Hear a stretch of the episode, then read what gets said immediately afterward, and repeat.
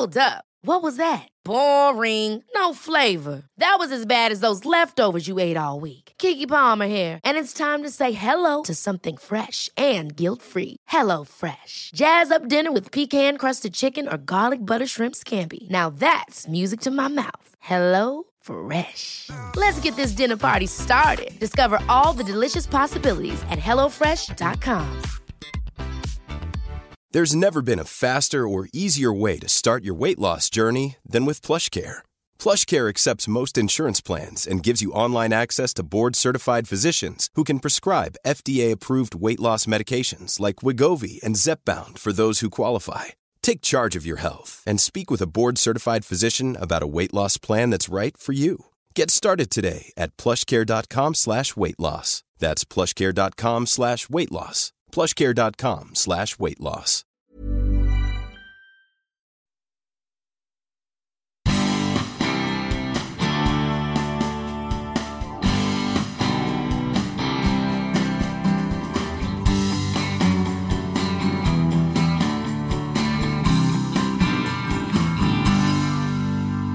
Sen kunde jag inte hålla det för mig själv förstås då, utan då var jag tvungen att prata om det här med mina, mina stackars föräldrar.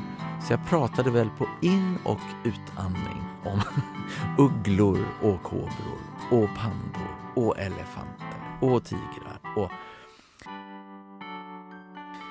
då kom det fram en sjuksköterska, eller en, en person som jobbade där, rullade fram en dam som då inte hade somnat och som högg tag i min arm, så här, som gamla människor kan göra, höll mig hårt i armen och så sa hon så här. Tack Mattias för att du tog med mig till mina barndoms somrar. Jag är blind, så jag kunde inte se någonting, men jag fick höra min barndom. Det är rätt spåniga grejer när jag var ung. för att jag var så himla liksom driven och, och, och, entusiastisk och lite fartblind på något sätt i att jag, jag måste få de här bilderna och herregud, det är bara att hålla sig fast. Det är bara, herregud, jag är stark, jag håller, håller, jag håller i mig liksom. En journalist hittade en 17-årig Mattias Klum i vassen fotograferandes skäggdoppingar. Det resulterade i en artikel i lokaltidningen. Sex år senare fick han sitt första uppdrag av National Geographic. Han blev också den yngste fotografen som fick pryda omslaget på det världsberömda magasinet. And the rest is history, som man brukar säga. Men hur bär han sig åt egentligen? Hur kan han komma så nära som 10 cm på en kungskobra, en av världens giftigaste ormar, utan att bli biten? Vad gör han för att bli vän med en urinvånare i innersta Borneo? Vi pratar också om att föreläsa för sovande pensionärer klättra i 50 meter höga träd utan säkring, att ha mask i benet, klimatoptimism och att jobbet som fotograf ibland kan vara rätt obekvämt. Varsågod, här kommer Mattias Klum.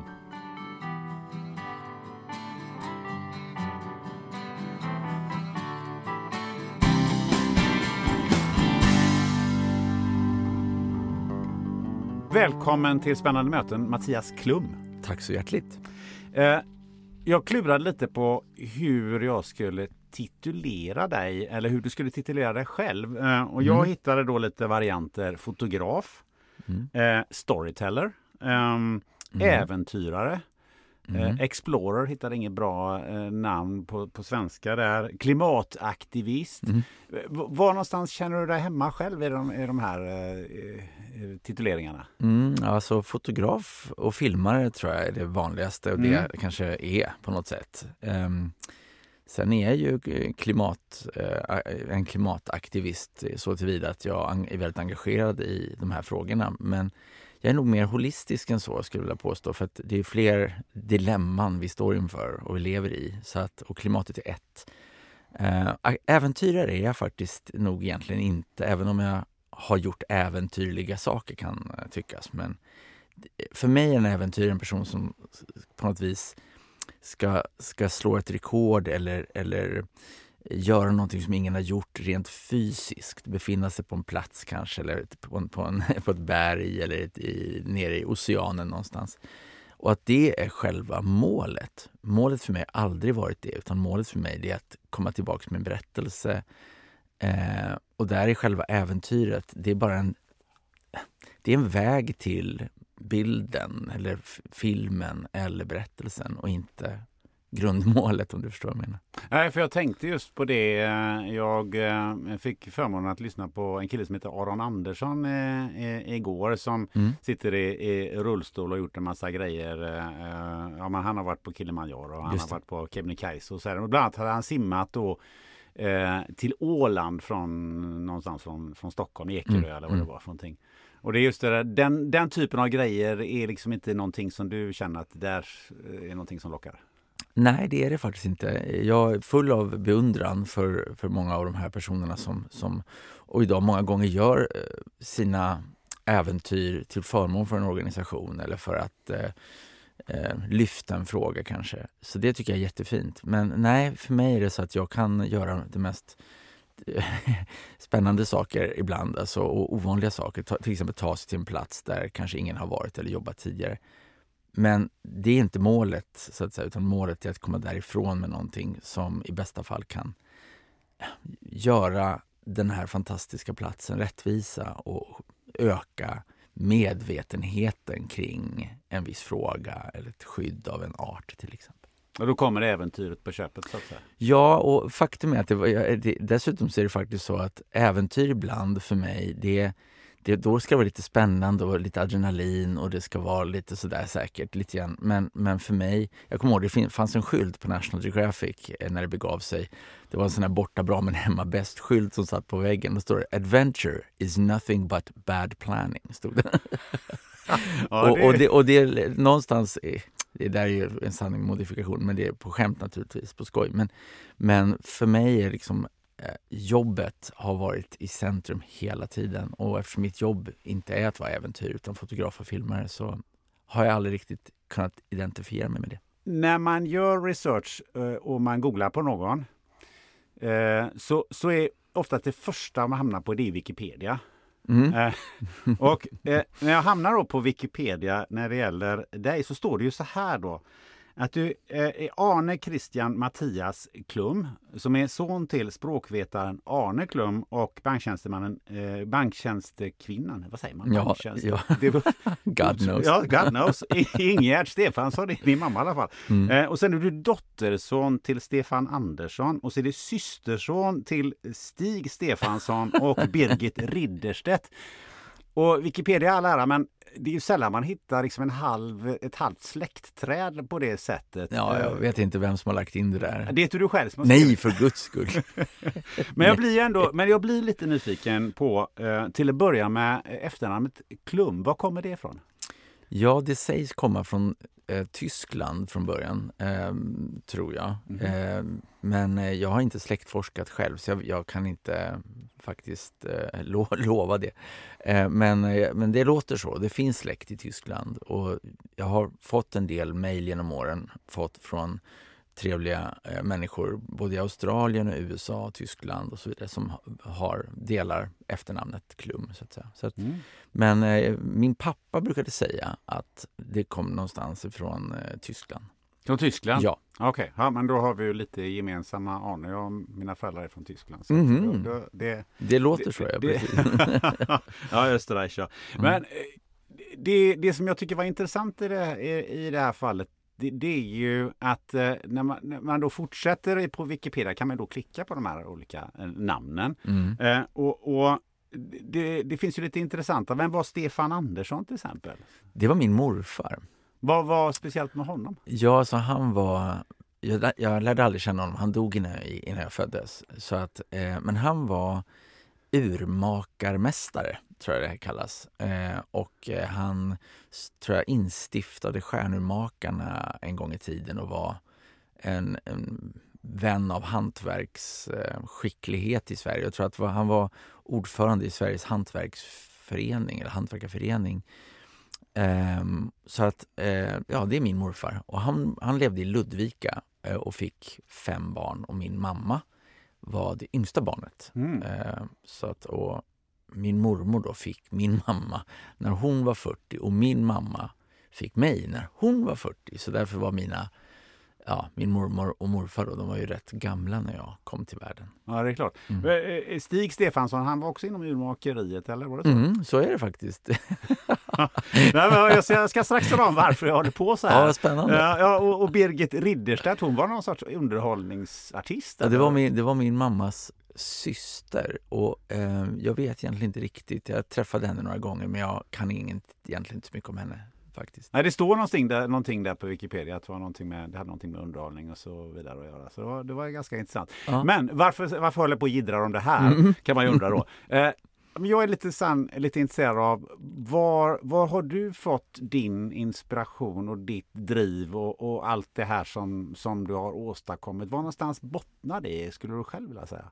Mm, alltså, just det. Mm, det är det du är ute efter. Ja, det är det jag är ute efter. jag fattar. Eh, ja, du, det är inte lätt att veta. Jag tror att mina föräldrar, eh, alltså pappa var väldigt eh, kultur och konst och musikintresserad. Eh, och även mamma, men pappa var liksom fanatiskt intresserad. Otrolig slukare av kultur och, och litteratur i alla, av konst i alla dess former. Eh, så jag växte upp i ett hem som var verkligen fullt fyllt av, av, eh, av bild och, och, film och musik och, och, samtal kring, kring kultur egentligen. Så utifrån det perspektivet så känns det naturligt att det blev som det blev på något sätt. För det var, det var så många såna referenser. Ehm, men eh, det här drivet, jag vet inte riktigt. Alltså jag tror att och naturintresset. Det fanns, ju, det, det fanns en fascination och ett intresse men mest som folk, ja, som folk är mest, tror jag. faktiskt. Så att mina föräldrar tyckte det var besynnerligt att jag ville vakna supertidigt vid sommarstugan utanför Ludvika och smyga ut och titta efter, efter smålommar eller, eller bävrar eller ugglor eller något annat. Det tyckte de var att jag var någon typ av eh, mutation. mutation? Nej, men jag tror att de, eh, de tyckte det var besynnerligt verkligen. Sådär. Men de gillade det också, de tyckte det var kul. Men jag var inte som mina syskon. Nej, Nej. De, det var mer en annan hockey eller något annat? Nej, men det var, de var också intresserade av musik och sådär. Men de var inte, de var inte ute och, och låg i gömsle och, och letade huggormar och så. Utan de, äh, de, de var, hade andra intressen. Men hur gammal var du när du började leta huggormar och kolla smålom? Ja, det var väl alltså 10, 10 11, 12 där någonstans så började jag bli... Eh, alltså, jag gjorde redan tidigare faktiskt små mini-expeditioner. Mm -hmm. man kan inte kalla det för en expedition egentligen, men jag tyckte det var spännande. Så att jag, jag kunde ta mig ut, ro ut med lilla båten på, på sjön över i Hillen och sen så när jag hade rott några meter till, ut i viken bara så kunde jag, kunde jag liksom ta, följa lilla ankarkättingen ner till botten till fyra meter. Och sen så letade jag efter vackra stenar i den här sjön och jag tittade efter stensimpor och jag, jag drömde liksom att jag var, jag, jag, jag var...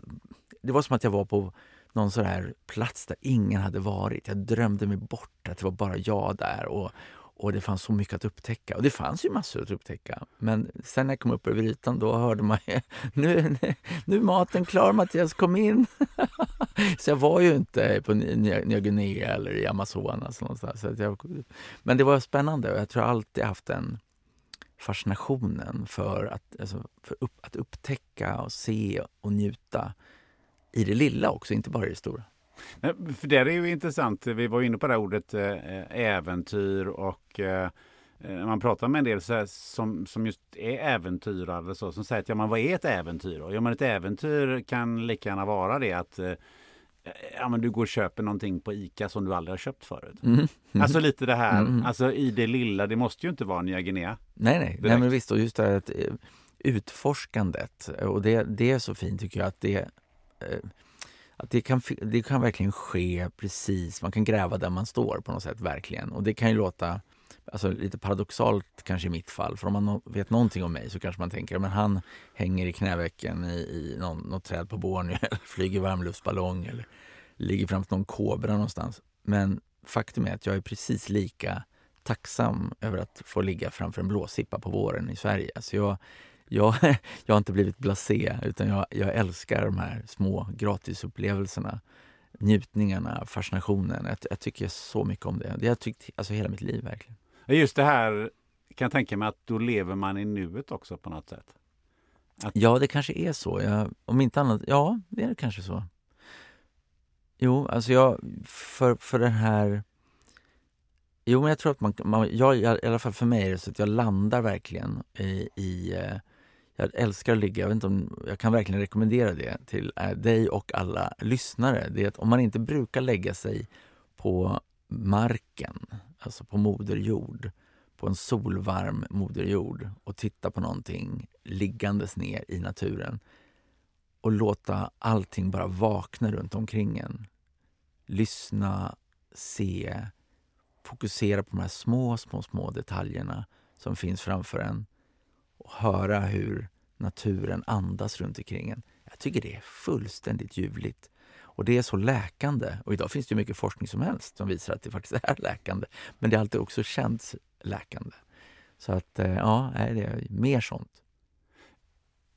Jag var nyligen på en, en eh, konferens och så pratar man väldigt mycket om, det gör man ju mycket i, i näringsliv och lite överallt, ja, men vi, måste, vi måste få nya perspektiv. Mm. Och så tittar man i samma dator. Mm. Och, bo, och, sitter i, i samma rum. Mm. Är det inte det jag, jag tänker på det direkt här, tanken nya perspektiv. Ja, men lägg dig ner och kolla från det här hållet istället. Mm. Ja, men jag, det, är så lätt, det är så lätt att säga att vi ska ändra oss och att vi ska bli mer eh, hållbara, både socialt och ekologiskt på alla sätt. Så att säga. Men vi är också vanedjur. Eh, så att även om vi kanske vill förändra, vi vill kanske anpassa oss till viss del så är vanans makt på något sätt. Alltså vi hamnar lätt i att ja, men, ah, jag borde göra, jag borde gå till jobbet, promenera till jobbet istället. Eller jag borde inte äta rött kött eller jag borde inte röka. Eller, ah, men men det, så blir det inte så ändå och så går åren. alltså det är lätt, det är lätt hänt. Va? Så att, jag, jag, tror att vi behöver, om man ska vara så, så allvarlig en, en, sekund, vi måste faktiskt, vi har inte riktigt råd att vänta på många saker idag, utan vi måste eh, ta, eh, ta frågorna på allvar, vår egen hälsa på allvar, vår, vårt livsrum på allvar, vår värld på allvar. Eh, och egentligen, det kan låta så dystopiskt eller som att man lägger en massa tyngd på axlar, men jag tycker det är fantastiskt. Tänk att vi lever i en tid där vi fortfarande har en makalös natur. Vi har fortfarande möjlighet att navigera in, navigera in i en värld som är mer hållbar. Där vi har tillräckligt mycket forskning, tillräckligt mycket kunskap, tillräckligt mycket innovativ kapacitet för att faktiskt lyckas med att leva bättre liv för jorden och oss själva. Jag tycker det är makalöst, så det är en positiv resa. Men vi måste göra resan. Ja, och det, där ska vi absolut komma eh, tillbaka till för att eh, det ska vi också haka i det här med just att att förändra saker och ting och förändra vårt eget beteende. Mm. För det är en sak att vi uppfinner saker och ting som gör att vi löser ett problem. Om det nu är virus eller om det nu är, är bilar på el eller vad det nu är för någonting. Men här handlar det ju också om att vi måste faktiskt förändra hur vi gör och vad vi gör. Mm. Uh, så, så det, ska vi, det ska vi landa till. Men vi, vi måste tillbaka till mm. det här, the roots. uh, jag tänkte på det fotograf. Um, jag kommer ihåg själv när jag fick min uh, första kamera. Mm. Jag kan fortfarande känna hur den luktar. Mm. det var en Instamatic. Mm. Eh, och jag tror jag var åtta år. Och jag vet exakt vilken den första bilden var. Det var ju naturligtvis svartvit film då. Mm. Det var dyrt med färgfilm. Mm. Så man hade en liten kassett på 12 bilder man kunde ta. Mm. Det var dyrt som 17 och jag tog tre bilder på min brorsa som var då ett år. Mm. Och så, jag vet exakt hur han stod, vad han gjorde och sådär. Um, jag tycker det är fascinerande. Jag är absolut inte fotograf. Uh, men hur, hur var det för dig? Ja, jag minns också väldigt tydligt hur, hur det började. Jag, min pappa, återigen då, mina föräldrar, de fotograferade inte egentligen speciellt mycket. De, jag vet att det fanns en tid då de använde en liten Super 8-kamera och filmade oss barn och sådär. Och så tog de då och då bilder så här på midsommar och valborg. Och, ja, men det, det, det här klassiska att på en och samma rulle finns det liksom ett år. eh, lite så tror jag faktiskt. Sen fanns det säkert perioder med ja, lite mer med fotografering kanske. Men hur som haver, i min pappas lilla stuga där pappa brukade sitta och skriva, där låg det en eh, gammal mekanisk manuell spegelreflexkamera. Eh, och jag började förstås bli nyfiken på den för då hade jag, gjort, jag hade börjat göra de här små mini-expeditionerna. Eh, och jag kom på det att jag skulle så gärna vilja dokumentera det jag såg. Eh, jag såg så många vackra saker. Så jag frågade min pappa då, kan jag, kan jag låna den här kameran? Och sa han, ja, um, den, då, då, måste du lära dig hur den fungerar. För den kunde jag, på den tiden kunde ju inte kamerorna någonting så att säga. Utan det var, man ställde in tid, eh, slutartid och bländare. Och sen förstås så fanns det en liten oerhört primitiv ljusmätare i kameran eh, som då indikerade om man det var överexponerat eller underexponerat möjligen eller vilket ljus som kommer in så att säga, till filmplanet. Och så var det ju då att fokusera förstås eh, så att bilden blir skarp. Och eh, eh, ja, pappa berättade liksom grunderna och sen så, så fick jag köpa en filmrulle. Um, och då hade jag läst att den film man skulle ha, den hette Kodakrom. Och det var en diafilm. Ehm, och man kunde få ut 37 rutor ur den här.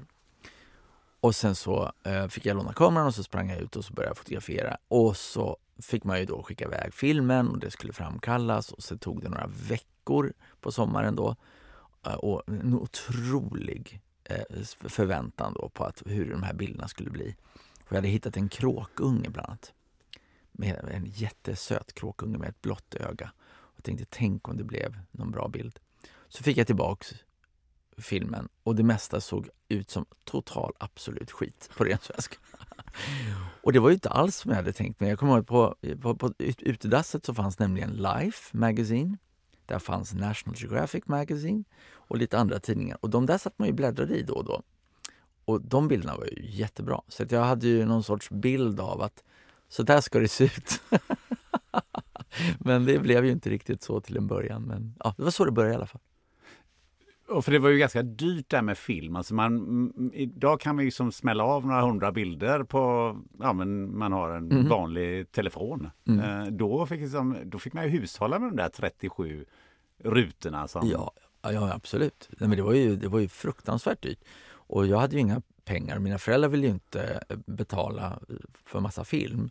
Så att eh, jag kommer ihåg att jag hade, jag hade höns på somrarna i Ludvika. Och, så att, eh, och ibland blev det ganska mycket ägg. Jag hade bara tio höns, eller ibland tolv höns och en tupp. Och de där hönsen de värpte mer än vad vi kunde, alla sockerkakor vi kunde göra i familjen. Så då började jag sälja de här äggen. Och då eh, fick jag pengar så småningom. När jag samlade lite pengar så kunde jag köpa en till rulle Kodakrom då. Men då märkte jag att bästa metoden skulle vara att jag skriver i ett litet block så här ruta nummer ett, första bilden och så skrev jag vilken slutartid jag använt och vilken bländare och vad det föreställde. Och sen nästa bild, ruta nummer två och samma sak. Då. Så att jag kunde sen, så att säga, när jag väl kunde vittja den här skörden, när den här gula boxen kom tillbaka med Kodakrom diabilderna, då kunde jag kolla så småningom att jaha, så bild nummer 11 den blev faktiskt ganska bra. Hur gjorde jag där? Jo, men det var en 500-del bländare 11. Ja. Mm -hmm, men det var ju kul. Så, så fick jag liksom lite, började jag lära mig, för jag hade inte råd att göra så att säga, man brukar säga att man ska lära sig av misstagen. Jag tror att jag var tvungen att lära mig av de eventuella framgångarna för jag hade liksom inte råd med något annat. Det låter ju lite sådär att, att lite nördigt nästan. Ja, jag tror, jag tror att jag blev ultranördig eh, där. Alltså jag, blev, det, jag blev helt besatt helt enkelt, faktiskt, på ren svenska. ja, men jag, blev, för jag tyckte det var så fruktansvärt roligt och så spännande. Eh, och ju mer jag höll på med det, desto mer insåg jag att, att om, alltså om jag upplevt någonting fint och jag kan fånga det, då är det dels ett minne. Alltså jag tar med mig det minnet, jag bevarar det minnet för min egen skull. Men sen kan jag också visa det för nära och kära och visa så här som ett stöd för min berättelse. Alltså, jag var ute, det var en tidig morgon, det var dagg i gräset. Jag hörde en, en, ett rådjur som skällde borta i skogen. Och så kom det en enkelbeckasin flygande. Och så var det ett spindelnät som alldeles fullt. Det var, det var som tusentals juveler. Om man berättar det för någon, då säger de så här, oj vad fint, det låter ju härligt. Sådär, va? Men tänk att komma hem då med det där spindelnätet och säga, titta får ni se. Det var så fint tyckte jag. Jag älskar det. Och det är fortfarande nog en, en del av min drivkraft i att det är ett stöd för en berättelse eh, som, som berättare. Så jag är bildberättare. Inte nog med att du liksom var nördig i när det gäller att fota och berätta, utan du måste också varit ganska nördig när det gäller att lära sig eh, djur och vad det, vad det var för några. För man, du säger enkelbeckasin. Mm. Det är inte så många eh, vuxna bildade svenskar eh, eller människor överhuvudtaget som vet vad en enkelbeckasin är någonting. Det är helt klart en fågel och det, det, så långt har jag också koll. Men men det måste ha funnits ett väldigt stort intresse på vad, vad, vad, vad är det för arter som jag ser? Mm. Jo men det är absolut. Och det började egentligen innan jag lånade kameran. Så jag bläddrade i böcker och som jag så, jag, så återigen, det var, ju, det var ju så att det fanns mycket böcker i min familj. Det fanns ett intresse, även om det inte var specifikt naturen enbart som var ett stort intresse så, så fanns det svampböcker och fågelböcker och eh, lexikon med djur. Alltså, alltså, det, fanns, det fanns litteratur att tillgå och det här var ju långt, långt, långt bevisligen innan man kunde googla något eftersom det inte fanns något sånt system i världen. Så det var ju bara att sätta sig och läsa eh, och, och, titta i små, små böcker och försöka förstå vad det var man hade sett och hört och sådär. Och jag tyckte, det var, jag tyckte det var spännande. Och just att att så otroligt mycket fint kan finnas så nära en. Man behöver inte åka så långt, man behöver inte ta sig ut till någon stor vildmark nödvändigtvis utan det finns ofta mirakler precis, precis där vi är. Eh, eh, I alla fall om man är, har tillgång till en trädgård eller några träd.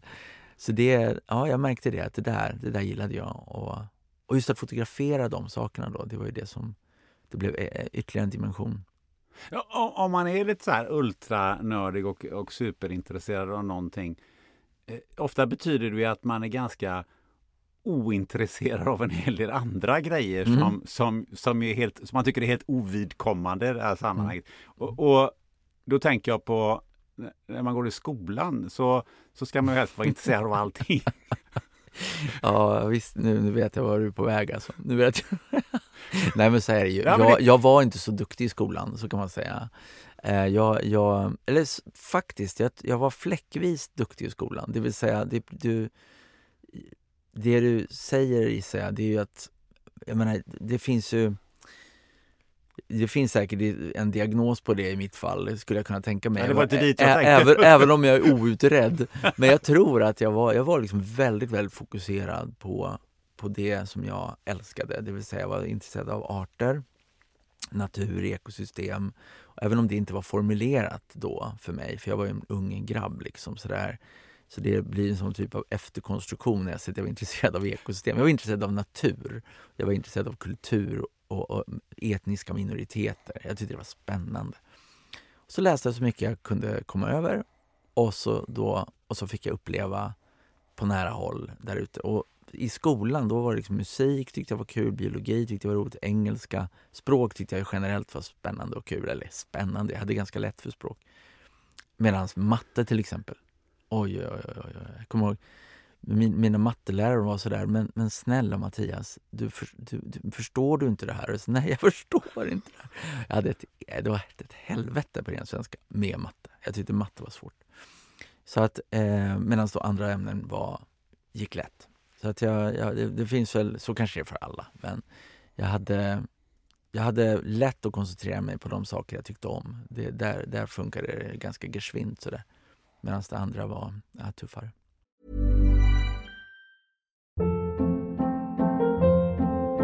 Hold up. What was that? Boring. No flavor. That was as bad as those leftovers you ate all week. Kiki Palmer here, and it's time to say hello to something fresh and guilt-free. Hello Fresh. Jazz up dinner with pecan-crusted chicken or garlic butter shrimp scampi. Now that's music to my mouth. Hello Fresh. Let's get this dinner party started. Discover all the delicious possibilities at hellofresh.com. A lot can happen in three years, like a chatbot may be your new best friend. But what won't change? Needing health insurance. United Healthcare Tri Term Medical Plans, underwritten by Golden Rule Insurance Company, offer flexible, budget friendly coverage that lasts nearly three years in some states. Learn more at uh1.com. Many of us have those stubborn pounds that seem impossible to lose, no matter how good we eat or how hard we work out. My solution is PlushCare. PlushCare is a leading telehealth provider with doctors who are there for you day and night to partner with you in your weight loss journey. They can prescribe FDA-approved weight loss medications like Wagovi and Zepbound for those who qualify. Plus, they accept most insurance plans. To get started, visit plushcare.com slash weight loss. That's plushcare.com slash weight loss.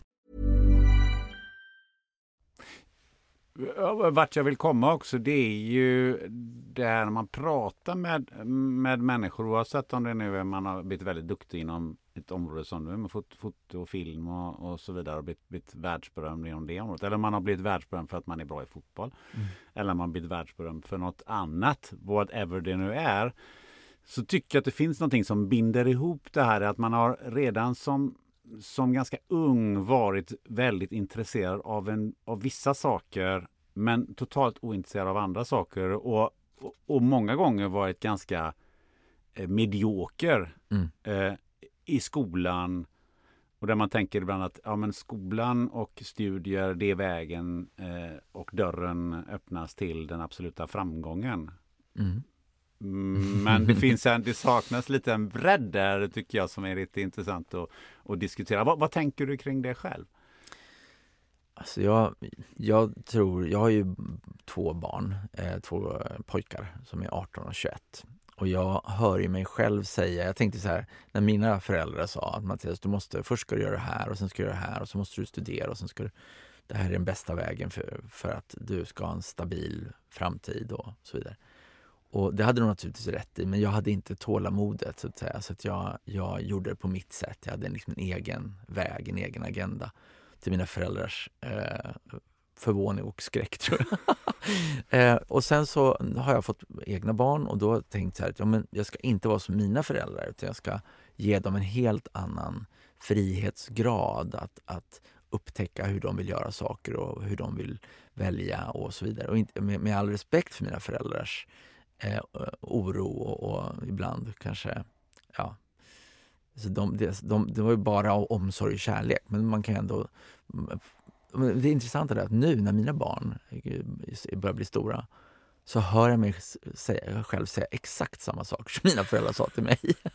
ja, men det är bara det upprepar sig. Det är, så här, det är väldigt bra att ni utbildar er på det här sättet först för att då har ni mer att välja på sen. Och precis så här, Det är exakt vad mina föräldrar sa till mig och jag som jag då inte så att säga lydde eller lyssnade på.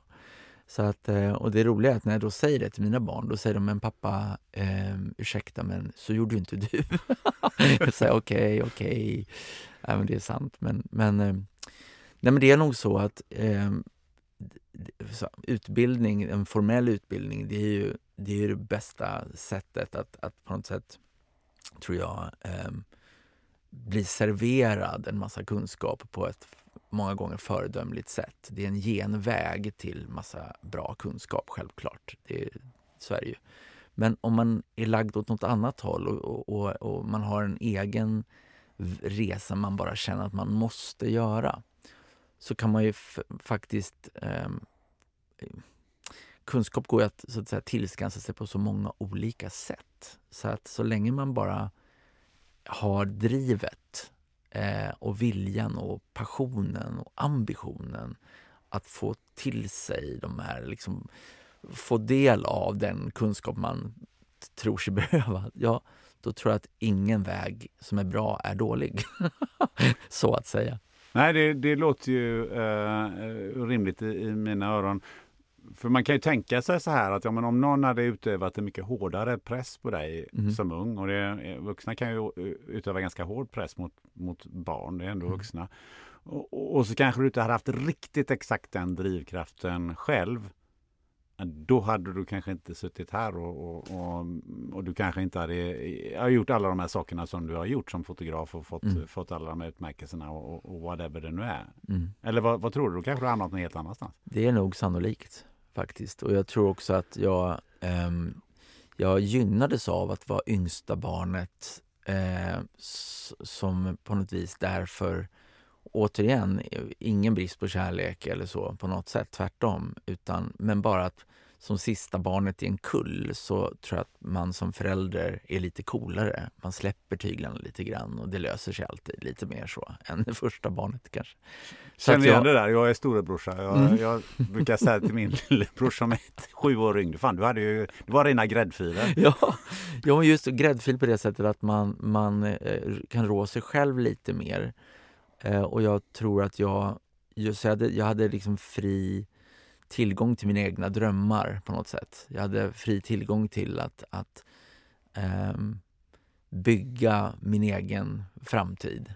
Uh, och det, det var inte alltid lätt för att det är klart att det fanns ju ingen som ville ha en liten Mattias Klum eh, fotograf. Eh, det, det, fanns liksom, det, det finns ju inga färdiga jobb åt en sån person utan varje moment måste du bygga själv. Eh, om du inte söker en tjänst som säg pressfotograf eller tidningsfotograf eller redaktionell fotograf och du får ett fast jobb. Men om du ska vara frilansare och börja när du är eh, 17 heltid.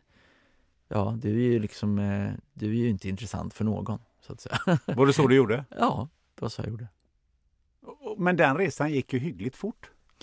Ja, så lustigt nog, jag tror att det ena ledde liksom till det andra på något sätt. Eh, som vi pratade om precis innan vi satte oss här, när vi sågs här utanför i foajén. Att det är märkligt livets vindlingar och berg och dalbana på något sätt. Att man träffar människor och sen bara slungas man in i en värld där man kanske inte hade tänkt sig att man skulle vara ens eller kunnat ens fantisera om. Jag kommer ihåg att jag var ute och jag låg i en vass i, också utanför eh, Ludvika och, och fotograferade eh, skäggdoppingar på våren. Eh, och då, eller var på sommaren faktiskt. Och då helt plötsligt kommer det en, en dalmas, en gubbe och säger på, på så här sjungande dalmål då, så här, att Hörru grabben! Och jag säger ja hej hej! Vad, vad gör du då? sa han. Ja, jag, jag, jag fotograferar skäggdoppingar. Jaha, oj oj oj, ja, du, varför, varför, gör du det för egen skull då? Ja, det är bara för egen skull. Jaha, så han. Vad, vad, vad ska du med de bilderna då? Nej, jag vet inte. Jag, jag, min ambition är att bli fotograf på heltid och jag vill vara fokuserad på natur och, och miljö och kultur och sånt där. Och då sa han, det låter ju spännande. Jag, jag är ju journalist på, på Ludvika Tidning. Jag tycker det skulle vara kul att få göra ett reportage om dig, sa han. Och jag sa, va? Varför då? Liksom, varför? Jaha. Jag förstod ju inte vad, vad som var intressant med det. Men då tyckte han att, ja men ung grabb som ligger där, istället för att få ut och kanske åka moppe och göra något annat eller festa eller någonting, så ligger jag där i vassen eh, och fotograferar en skäggdopping. Han tyckte det där var kanske lite udda, så att han ville göra ett reportage. Och så sågs det av något tryckeri, det där reportaget, och sa de, du, har inte du någon bild vi kan använda? Vi ska, göra en, vi ska inviga en ny tryckpress. Så köpte de en bild av mig och jag visste ju inte ens vad jag skulle ta betalt för den där bilden. Jag visste ju inte. Jag sa, vad vill ni betala då? Alltså, så det var väldigt sådär från början att det ena ledde till det andra på något sätt. Eh, det, det var intressant där, för det påminner mig om en grej när jag läste om dig. Att, att du var ju över i, i, på andra sidan gatan i, i, i något ålderdomshem eller något sånt där mm. och, höll föredrag, eller vad var det för någonting? ja, jo, men det, det var ju så att jag, jag var just väldigt fokuserad på det här. Jag tyckte det var så spännande. Jag läste så mycket böcker. Jag läste böcker av Eh, David Attenborough till exempel, underbara David Attenborough, jag hade gjort en bok tidigt som hette The Zoo Quest Expedition. Och den läste jag. Och den handlade om hur han eh, jag såg olika naturmiljöer ute i världen och väldigt mycket före sin tid egentligen pratade om hur viktigt det är att vi behåller de systemen och så vidare. Och så läste jag eh, Sven Gillsäters böcker som var en fotograf som var väldigt känd på den tiden och Jan Lindblads böcker och sådär. Jag tyckte det var så spännande. Så att, Sen kunde jag inte hålla det för mig själv förstås då, utan då var jag tvungen att prata om det här med mina, mina stackars föräldrar. Så jag pratade väl på in och utandning om ugglor och kobror och pandor och elefanter och tigrar. Och, och det är klart att de var ju, som, alltså, som föräldrar är mest, va? De, de lyssnar och säger men vad roligt och vad spännande och men vad kul, ja, så kanske de flikar in någon sak. Men den 71 gången samma dag så till slut så är det så här, snälla älskling, nu måste vi göra något annat. Nu får du gå och göra läxorna eller göra något annat. Så Men en dag så sa min pappa, du har så mycket på hjärtat gubben, jag undrar om inte du ska Ska inte du berätta det här för någon? Du har så mycket, så många berättelser och du tar ju så fina bilder nu och du spelar in ljud och allting. Tänk om du skulle kanske kunna glädja till exempel pensionärer eller ja, gamlingar rätt och slätt på ett ålderdomshem som aldrig kanske får se eller höra såna här saker. Vore inte det trevligt, sa pappa. Då sa jag, men varför skulle de vilja lyssna på mig? Vad är det som säger? Jag menar, så tyckte jag det var helt orimligt. Men då sa han, det vet du inte. Det vet du inte. Det, du kan fråga och, och får du ett svar, ja då, då får du göra en liten föreläsning som det heter. Och så berättar du om dina upplevelser med bilder. Du, det, prova det, sa han. Och mitt, som du sa då, tvärs över gatan i Uppsala så låg, eller ligger fortfarande tror jag, ett, ett ålderdomshem som heter Andreas And. Och jag knackade på, jag såg ut som att jag var 11, men jag var väl 14 ungefär då. 5, 14, ja, 14 år gammal.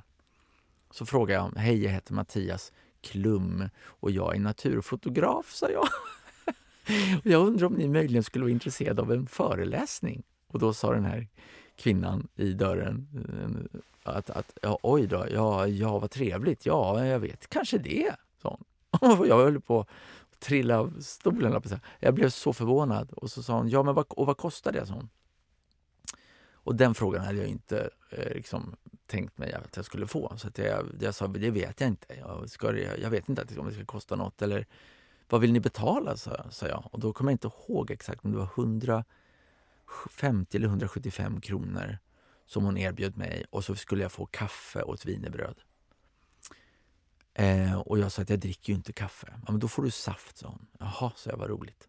Så bestämde vi, bestämde vi eh, träff, eller bestämde en tid och så fick jag låna mamma och pappas eh, diaprojektor och så hade de en duk på det, här, på det där hemmet. Då. Och sen så kom jag dit och så drog de ner persiennerna och rullade fram. Alla, några kunde gå själva och några rullades fram i sina rullstolar. Och så började min föreläsning. Och jag berättade om en liten kärn i Dalarna, om djurlivet där och om ljuden. Jag hade spelat in ljud och jag hörde hur folk eh, först sa, man hörde att de suckade lite grann och de, någon sa någonting, åh vad vackert och sådär. Och så blev det tystare och tystare. Och, och jag pratade och jag pratade och visade den ena bilden efter den andra. Och sen när allt var klart och de tände lamporna i lokalen, då sov ju alla.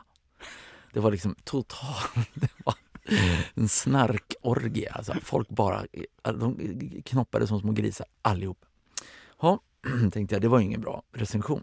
Men eh, då kom det fram en sjuksköterska, eller en, en person som jobbade där, rullade fram en dam som då inte hade somnat och som högg tag i min arm, så här, som gamla människor kan göra, höll mig hårt i armen. Och så sa hon så här, Tack Mattias för att du tog med mig till mina barndoms somrar. Jag är blind, så jag kunde inte se någonting, men jag fick höra min barndom. Häftigt. Ja. Och så började hon gråta. och så grät, grät systern och jag började gråta. Och där satt vi alla tre och var så fruktansvärt rörda. Och jag tänkte att där, kan man beröra människor på det här sättet med en berättelse med bilder, med eller utan bilder eftersom hon inte kunde se bilderna, då är det här världens bästa jobb för mig. Tänkte jag. Så kom jag hem till mamma och pappa och de frågade hur gick det? Så att alla somnade, utom en och hon var blind. och då sa pappa, aj då.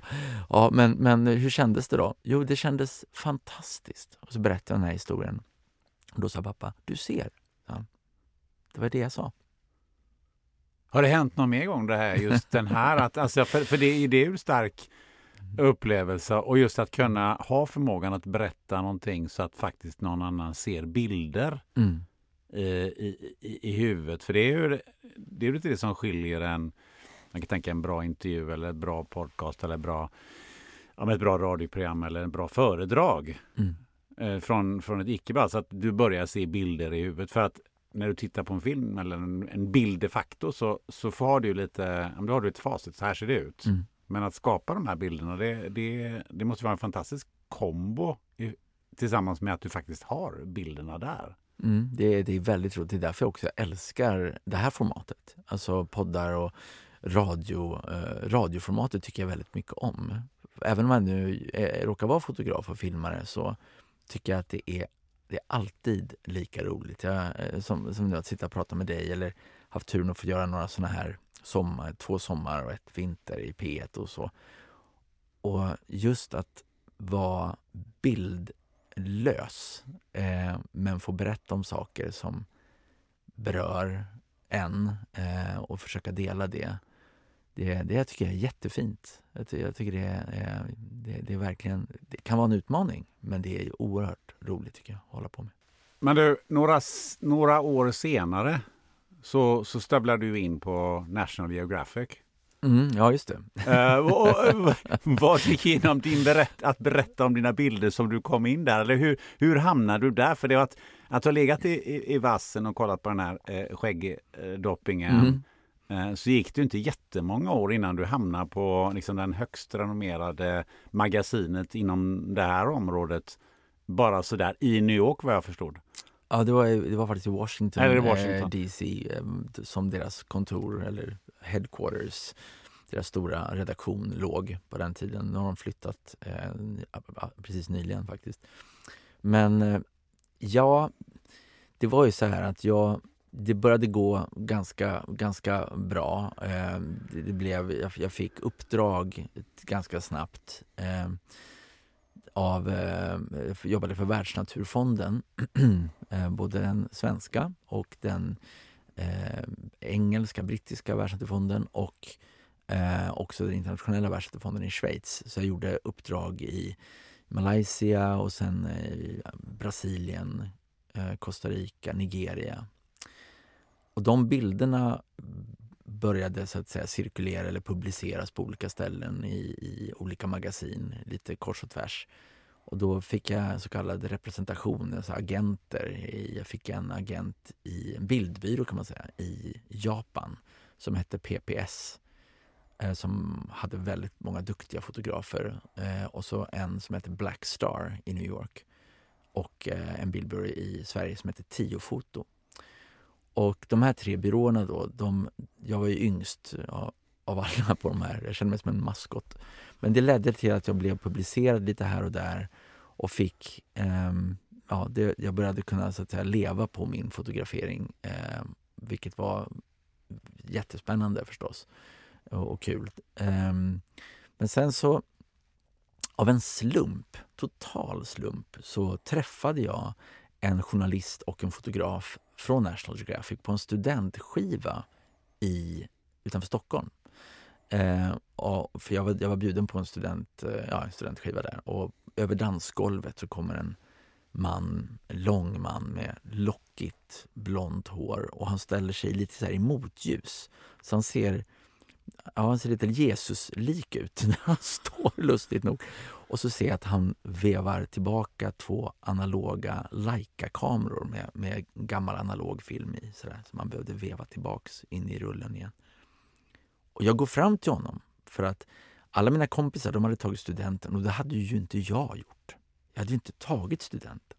Så jag kände mig glad för deras skull, men jag kände mig ändå som att jag är nu fotograf, jag kände mig lite, lite utanför och jag hade liksom en liten, liten mini-identitetskris kände jag på den där festen. Eh, bland annat som var lyckliga med sina studentmössor. Ha, då tänkte jag, men jag bondar med den här kollegan, tänker jag. Så jag går fram till den här Jesuslika gestalten och säger Hej, jobbar du för någon tidning eller? säger jag. Och då säger han I'm sorry, I don't speak Swedish. Nähä, tänker jag. Så jag säger samma sak på engelska. Då säger han uh, Yes, I actually work for a magazine. It's called the National Geographic Magazine, säger han. Och jag tänker, det är Jesus. ja, nej, men det var så här, det var ett sånt där fantastiskt eh, eh, möte. Eh, och han var en amerikansk fotograf som heter Cotton Colson som tyvärr gick bort för några år sedan. Och han var sådär oerhört vänlig, varm, inkluderande, generös. Jag var ju superny, supergrön om man jämför med honom självklart. Eh, total nybörjare om man jämför. Även om jag hade ändå små relativa framgångar så var det liksom på, på en helt annan nivå. Eh, då sa han att om du kommer till USA vid något tillfälle och passerar Washington, eh, här är mitt kort, så kan vi gå ut och ta en öl, sa han. Och jag sa wow, tack snälla. Och jag höll ju det där kortet och, och sen nålade jag upp det på, en, på anslagstavlan hemma. Och det, var som en, det var så fantastiskt bara att jag hade fått prata med den här människan. Så några år senare så skulle jag göra ett uppdrag. Eh, flög över, över USA och landade i, i Washington. Ringde honom innan. Han kunde inte träffa mig, men den här journalisten, hans kompis Preet, som också var väldigt trevlig, han kunde träffa mig. Och det slutade hur som helst med att jag fick till slut visa bilder för en redaktör. Och jag var väldigt noga med att säga att jag, jag tror inte att jag ska få jobb här, så jag är inte liksom helt eh, dum i bollen, utan jag vill bara ha konstruktiv kritik. Så jag vill veta om jag är på rätt spår, så att säga. Och, och kan jag få det så är jag oändligt tacksam. Jag förstår att ni har annat att göra, men jag är jätteglad. Och det ledde faktiskt till att de gillade det de såg och eh, jag fick mitt första uppdrag eh, där och då. Um, och det här var ju länge sedan, det var 1991 det här. Så det är ju några år sedan. Uh, om vi tar ett hopp där, du fick uppdrag. Mm. Uh, eller vad var det för uppdrag? Det var att fotografera samer uh, för, för National Geographic uppe i Lappland, i svenska Lappland. Eh, och ehm, det var 44 minus, kommer jag ihåg, i Jokkmokk. och jag skulle fotografera där för dem. Och det, det, det, det, här är typiskt National Geographic för jag, jag hade ju inte... Det, de bilder jag hade visat dem, det var mest natur som jag hade gjort i Costa Rica och Nigeria och sådär. Men då lärde jag mig hur de fungerar. Eh, det vill säga att de sa att ditt bildspråk, sättet du arbetar på, det skulle passa eh, det här, den här idén vi har. Så att de tar helt enkelt en fotograf, han eller hon har ett visst språk och det är språket de är ute efter. Inte nödvändigtvis att den personen bara arbetar med en viss typ av fotografi utan de kan ta dig och lyfta dig som ett verktyg till något annat du aldrig gjort. För de vill se hur du hanterar, med ditt språk, den världen. Så helt plötsligt fick jag ett uppdrag att fotografera samer som jag aldrig hade fotograferat eller ens träffat. Eh, för att de såg, att, eller trodde sig se, att det skulle jag göra bra. Så det här var ju det var som en helt ny resa och jätteläskigt och jättespännande och jättekul på samma gång. Och det jag blir nyfiken på där då, det är ju okej, okay, du får ett uppdrag att ska fotografera samer. Mm. Här kommer då Mattias Klum mm. med ett gäng kameror. Mm. Eh, 23 eller någonting i den, mm. åt det hållet som det var. Och så åker du bara upp, åkt upp till Sameland och så säger Hej, jag ska eh, fotografera er lite grann. Mm. Eller liksom, du måste ju så att säga komma dem in på och, och, att de tycker att ja, men det kan du göra. Det, det, det är något mm. sorts samspel där skulle jag kunna mm. tänka mig. Hur, hur går man tillväga? Jag tycker det fascinerar mig att, mm. att eh, att, och du har ju varit med, med eh, fler naturfolk eh, naturligtvis av olika slag och urbefolkning och, och, och, av alla möjliga slag. Men som, hur, hur, hur gick du tillväga där? Det var ju, det var ju verkligen första gången så att jag, jag pratade mycket med, med, National, med uppdragsgivaren innan då och sa, ville veta hur de tyckte jag skulle lägga upp det. Jag var ödmjuk inför att jag faktiskt inte hade gjort det här tidigare. Och det, så det var ju lite läskigt tyckte jag. För att, åt, precis som du säger, alltså det, det handlar om att, att på ett väldigt vördnadsfullt, integritetsfullt och eh, medmänskligt och respektfullt sätt närma sig människor och få... Det handlar om förtroenden. Det handlar om att få att bli... Att man bygger en, ett förtroende med dem man ska fotografera framförallt i, om man ska arbeta på, på, den nivån. så att säga. Det handlar inte om att ta några bilder från höften och, och sen eh, när folk inte ser att man fotograferar och sen publicera dem. Utan i en sån här, för en sån här tidskrift då bygger det på att du har kontakt med människor, att du, att du etablerar en relation med de här människorna i allmänhet och sen kan du bli en fluga på väggen. Sen kan de glömma bort dig om det är den typen av bilder du vill ha. Eh, men du måste någonstans eh, berätta vad du är där för att göra och få acceptans för ditt arbete. Så det var det, det, det var det jag gjorde.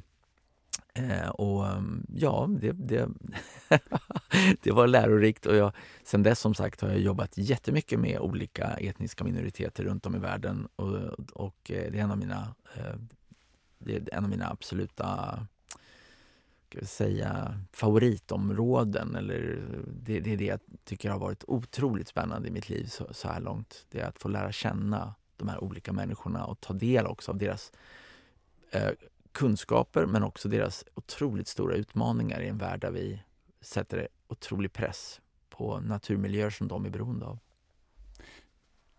Det visar ju också på att du, du måste ha eh, en viss social begåvning.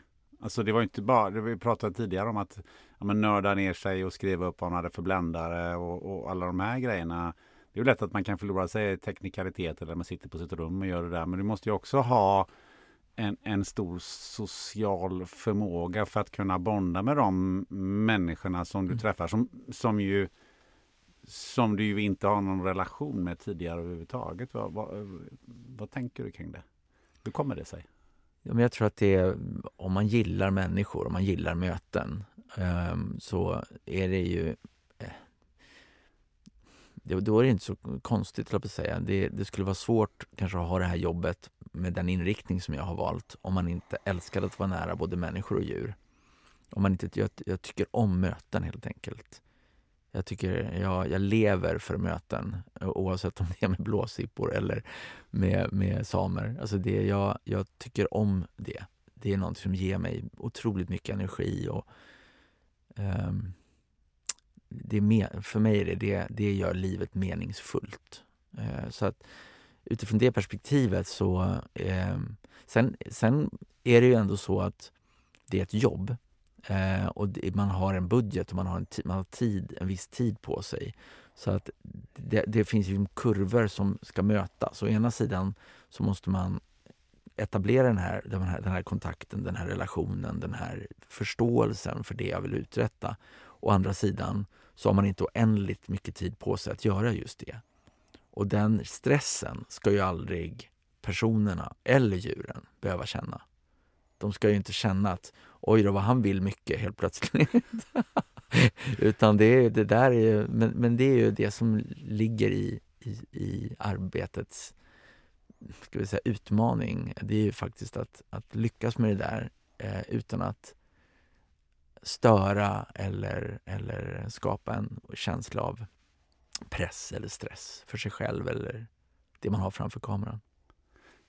Hur kan man föra över det till möten mötena med, med djuren? För du har ju kommit väldigt nära många av de här djuren som du har fotat. Mm, jo, absolut. Ja, men det är samma sak skulle jag säga. Eh, och då kan man ju säga, vadå, det är väl inte samma sak. Människor är människor och djur är djur. Men jag tror att utifrån ett respektperspektiv och utifrån ett sätt att eh, när det gäller vördnad, respekt och förtroenden så är det ganska likt egentligen. Det vill säga att om du vill fotografera en västafrikansk skogskobra och du hittar en stor hona som är två meter lång.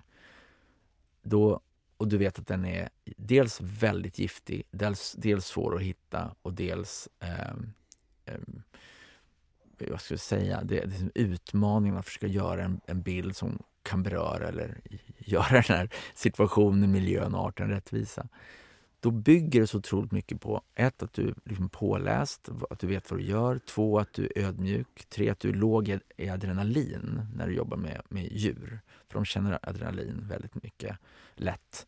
Eh, och sen, eh, alltså det, och det är samma sak som du arbetar om jag ska fotografera människor. Det vill säga att man, man förutom det här med adrenalinet och möjligen, men det är att det finns att ju, ju, mer, ju mer påläst du är, ju mer ärlig, ju ärligare du är, ju mer engagerad du är, ju mer Alltså det, det, finns en rad saker som kan vara bra. Det, det, är lite psykologi i det här också men för mig är det grundreceptet egentligen, det, för mig, det är respekt och vördnad och förtroenden. Det är liksom jätte, jätteviktigt. Och om man, om man lyckas få till den lilla balansen, då brukar det faktiskt fungera rätt så bra. Känner djur det här? Du säger ord som respekt, vördnad och så vidare. Finns det någonting att du skapar något sorts samspel där? Eh, ja, det tycker jag. Alltså det, det är ju, de har ju inte, beroende på vad det är för djur då, kanske den beteendefloran, den beteenderepertoaren, att liksom i, all, i alla avseenden förstå vidden av ens, ens arbete för att komma nära eller för att, för att etablera den där känslan. Men absolut, jag tror att det kan alla som har en hund eller en katt eller en häst eller ett husdjur känna igen sig i att om man, man, om man är lugn, mjuk, eh, tillbakalutad men varm och vänlig. Det är väldigt, väldigt sällan man får en, en, en förvånad, förvånande eller liksom så här, jobbig eller, eller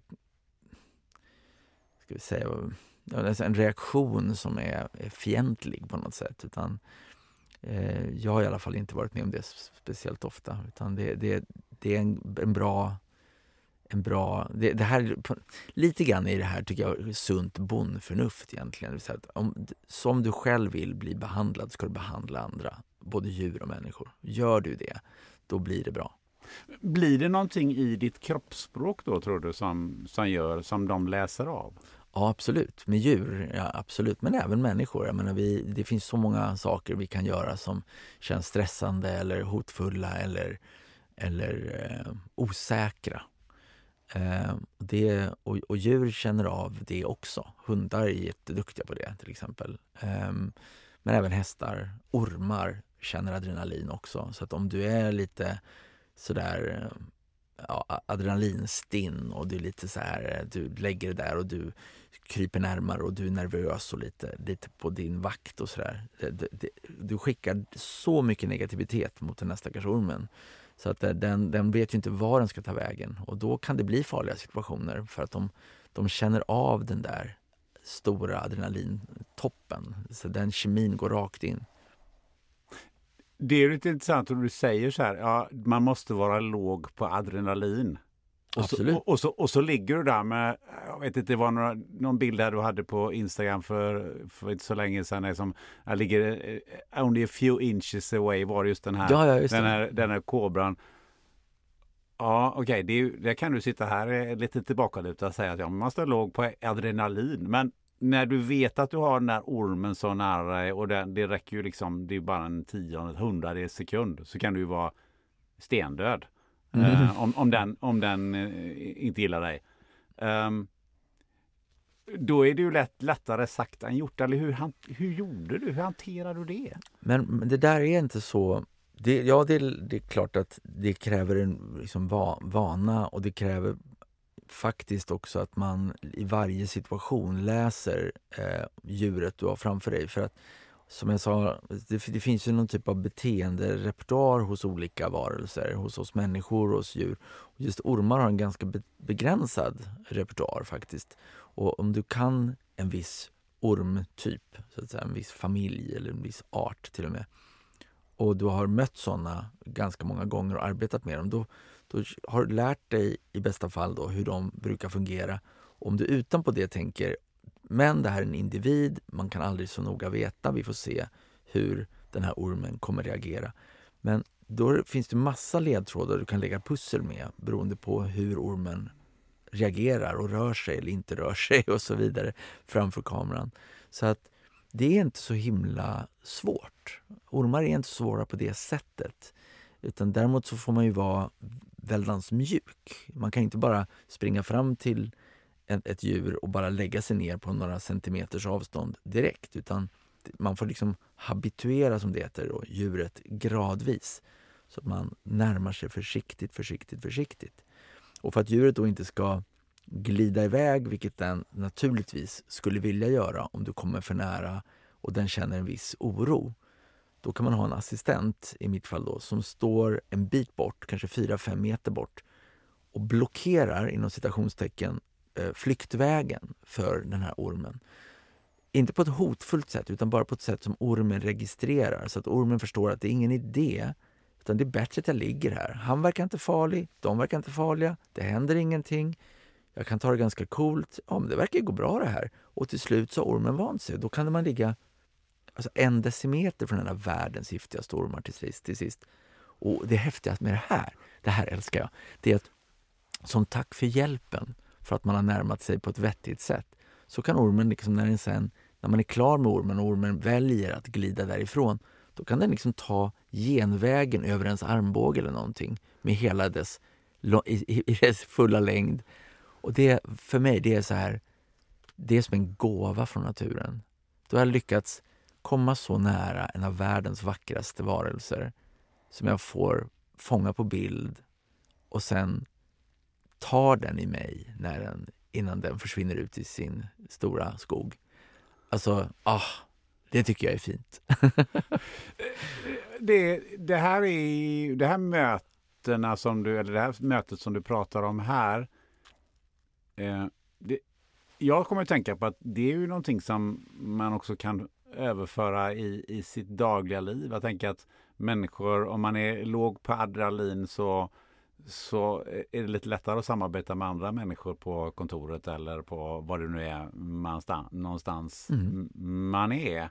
Um, så, så jag tänker att den här mötet med djuren och uh, det är kanske är någonting man kan ta med sig uh, i sitt dagliga liv också.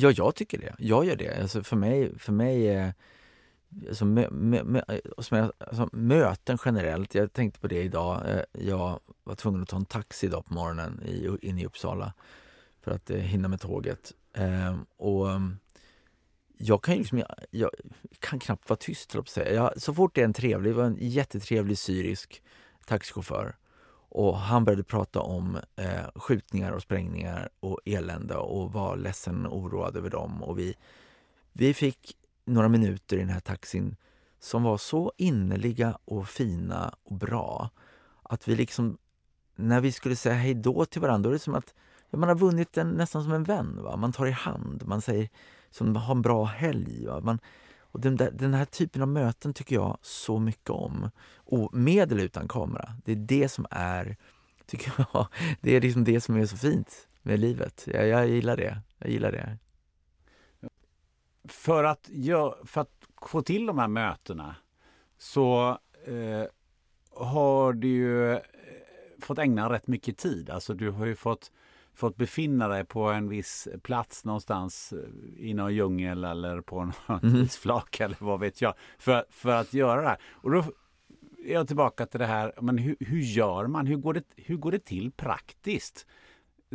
Man läser att ja, men då var jag, jag var tvungen att vara i det här trädet i en vecka eller två eller tre mm. eller, eller eh, jag menar, du ska ha mat, du ska ha mm. grejer, du ska ha vatten. Mm. Alltså ge oss en bild av vad, vad finns det bakom? Det måste finnas mm. en logistikkedja, en, en, en tross på något sätt som, mm. som förser dig med, med, med eh, Ja, man borde, det kanske behövas mediciner, vad vet jag? Alltså hur, mm. hur funkar det? Jo, alltså det är, varje projekt är, oavsett då eh, vad, vad det handlar om, så planerar man ju det i god tid, eller så god tid man någonsin kan. Eh, och då, dels byggs det då en, en plan, man planerar hela expeditionen, hela projektet. Eh, och då till exempel om man ska åka någonstans eller resa någonstans eh, och jobba med sig en, en regnskog till exempel som där, där mitt jobb då är kanske att berätta om eh, ekosystemet, hotade arter eller kanske en etnisk minoritet eller alltihop. Då eh, kan det vara så att om ingen har varit i det här området tidigare, eller väldigt få har varit där tidigare, då finns det ju ingen det finns ju liksom ingen, kanske inte finns några vägar, det finns ingen det finns inga hotell förstås, det finns inga forskningsstationer ens, det finns ingen el, det finns ingen, ingenting. Så beroende på hur långt ut du ska ta dig och hur extremt det kommer bli, det, det avgör liksom också hur mycket du måste lösa logistiskt när det gäller mat, när det gäller elförsörjning, batteriladdning, solceller, kanske en generator, eh, tält, gömslen, kompositmaterial för att kunna bygga gömslen uppe i regnskogstaket. Hur kommer jag upp i regnskogstaket? Då behöver man ha klätterutrustning och för att få upp de där klätterrepen kanske måste ha en compoundpilbåge eller slangbälla för att skjuta ett, ett, ett, um, som en fiskelina över de första grenarna som kanske börjar på 20-30 meters höjd på de här jätteträden. För att sen då dra upp bergsklättringsrepen så du kan fästa dem för att klättra på dem upp och ta dig vidare. Så det är så mycket planering för vissa av de här galna projekten för att då till slut kanske få de här bilderna på eh, ullapor i Amazonas eller orangutanger på Borneo eller väckelbjörnar i Panama, vad det nu kan vara för någonting. Eh, så det, det är massa planering, så är det ju. Och då har man ju, då har man ju hjälp förstås, om man jobbar för National Geographic har man hjälp av dem förstås, och deras logistiska experter. Men sen har jag också haft egna team med superbra, lojala och hårt arbetande kollegor som liksom sköter massa saker så att jag kan koncentrera mig på att göra bilder. Helt enkelt. Ja, för hur många människor är det inblandade på plats? Om du säger att du ska rakt in i Borneo och, och mm ta bilder på, på ja, men orangutanger som du har gjort. Och så här. Men vad, vad, vad krävs det bakåt så att säga? Alltså den längsta expeditionen som jag hade på Borneo, eh, eller haft so far, den var 95-96. Och eh, den var 14 månader lång ute i skogen. Och så hade vi en varmluftsballong som vi flög i under en månads tid. Hade vi tillstånd att flyga varmluftsballong över regnskogen. Och så hade vi 1,5 ton utrustning i 63 koffertar. Och vi var, det var jag och fyra assistenter. Ehm, eh, medarbetare. Och, det, och sen lokal personal, så kallade local fixers som är då eh, jobbar med en på plats på Borneo för att om man behöver hyra en lastbil eller en helikopter eller man behöver ett speciellt tillstånd så kan de vara behjälpliga. Och det krävs många gånger i länder eh, ja, när man är ute och arbetar att man har lokala, lokala företag som man då eh, samarbeta med för att eh, få, ens få tillstånd att filma på en sån plats. Ja, du sa hyra helikopter. Du måste ha haft en hyfsad budget för de där bilderna. Ja, jo, så är det ju. att det är, Vissa projekt har ju st ganska stor budget och andra har inte. Men när, jobbar man för National Geographic då har man ju haft bra budgetar, absolut. Men sen krävs det ju något mer. Alltså det är en sak att ja, men okej, det, käket är klart och äh, repen är fixade mm. och det, du har lokal medhjälpare och så vidare. Men någonstans så krävs det ju rätt mycket av dig som, som person. Mm. Jo visst, det, det, det, det hela kommer ju ner till det. Det landar ju i det. Det kan ju vara, det är som att, kan jag tänka mig, jag är ju jag är bara amatör, obviously, amatörtennisspelare. Men eh, om man säger att man ska möta Djokovic då, då gäller det att det, det är då, där och då det gäller i, på, i eh, Wimbledon till exempel. Det, så det, man kan ju ha alla sponsorer i världen och, och ha vilka fina kontrakt man vill och hur mycket budget som helst. Men om du inte spöar Djokovic när du möter honom där i Wimbledon, ja då har du ju förlorat så att säga. Då har du inte gjort ditt jobb. Och så är det för mig också. Jag menar, om, om man åker iväg med stor budget till Borneo och jag inte får de bilder som National Geographic eller andra hoppas på, ja då blir karriären ganska kort. För dem i alla fall. Har det hänt? För människor, ja. Nej, men jag tänker att har, har det hänt för dig att du att jag att du, att du gjort en, en ganska stor expedition och så har du egentligen kommit hem med ja men det var, jag fick aldrig de bilderna som var tänkt. Ja, det har hänt mig. Det har hänt mig absolut. Jag gjorde jag fick uppdrag att göra en eh, National Geographic story om en gammal jaktkultur just på Borneo. Eh, och det, det var en antropologisk historia egentligen. Det handlade om blåsrörsjägare och hur, hur de just på Borneo under vissa, vissa år när det blir massförekomst av frukt av en viss sort i regnskogen från vissa träd, dipterokarpträd, då har historiskt sett har skäggsvinen ökat. Eh, universum blir som lämmeltåg. Det är en enorm alltså massförekomster av de här stora skäggiga vildsvinen. Då. Och då, de åren då blir det en, en eh, väldigt speciell interaktion mellan de här blåsrörsjägarfolken och de här grisarna. För att de står då som de har gjort i kanske tiotusentals år med blåsrör med bajonetter på i floder och väntar på de här grisarna som ska ta sig över. Så det är lite grann som när man ser gnuer som tar sig över vattendrag i, i, eh, i Afrika eh, och det väntar faror på andra sidan eller i vattnet.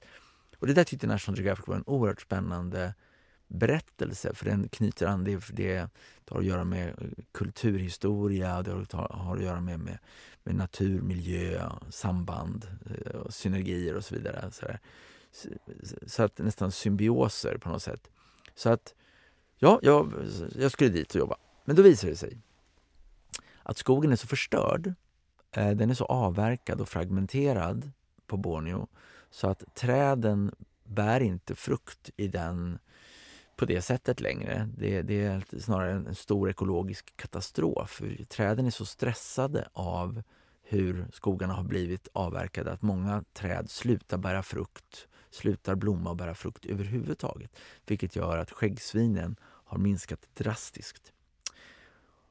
Och jag var inte tillräckligt Ingen hade gett mig den informationen. Jag hade inte kunnat få tag på den informationen någonstans utan jag åkte dit, stor budget, skulle leva med de här människorna, skulle hitta grisarna, skulle, jag hoppades att den här massförekomsten skulle, skulle bli av.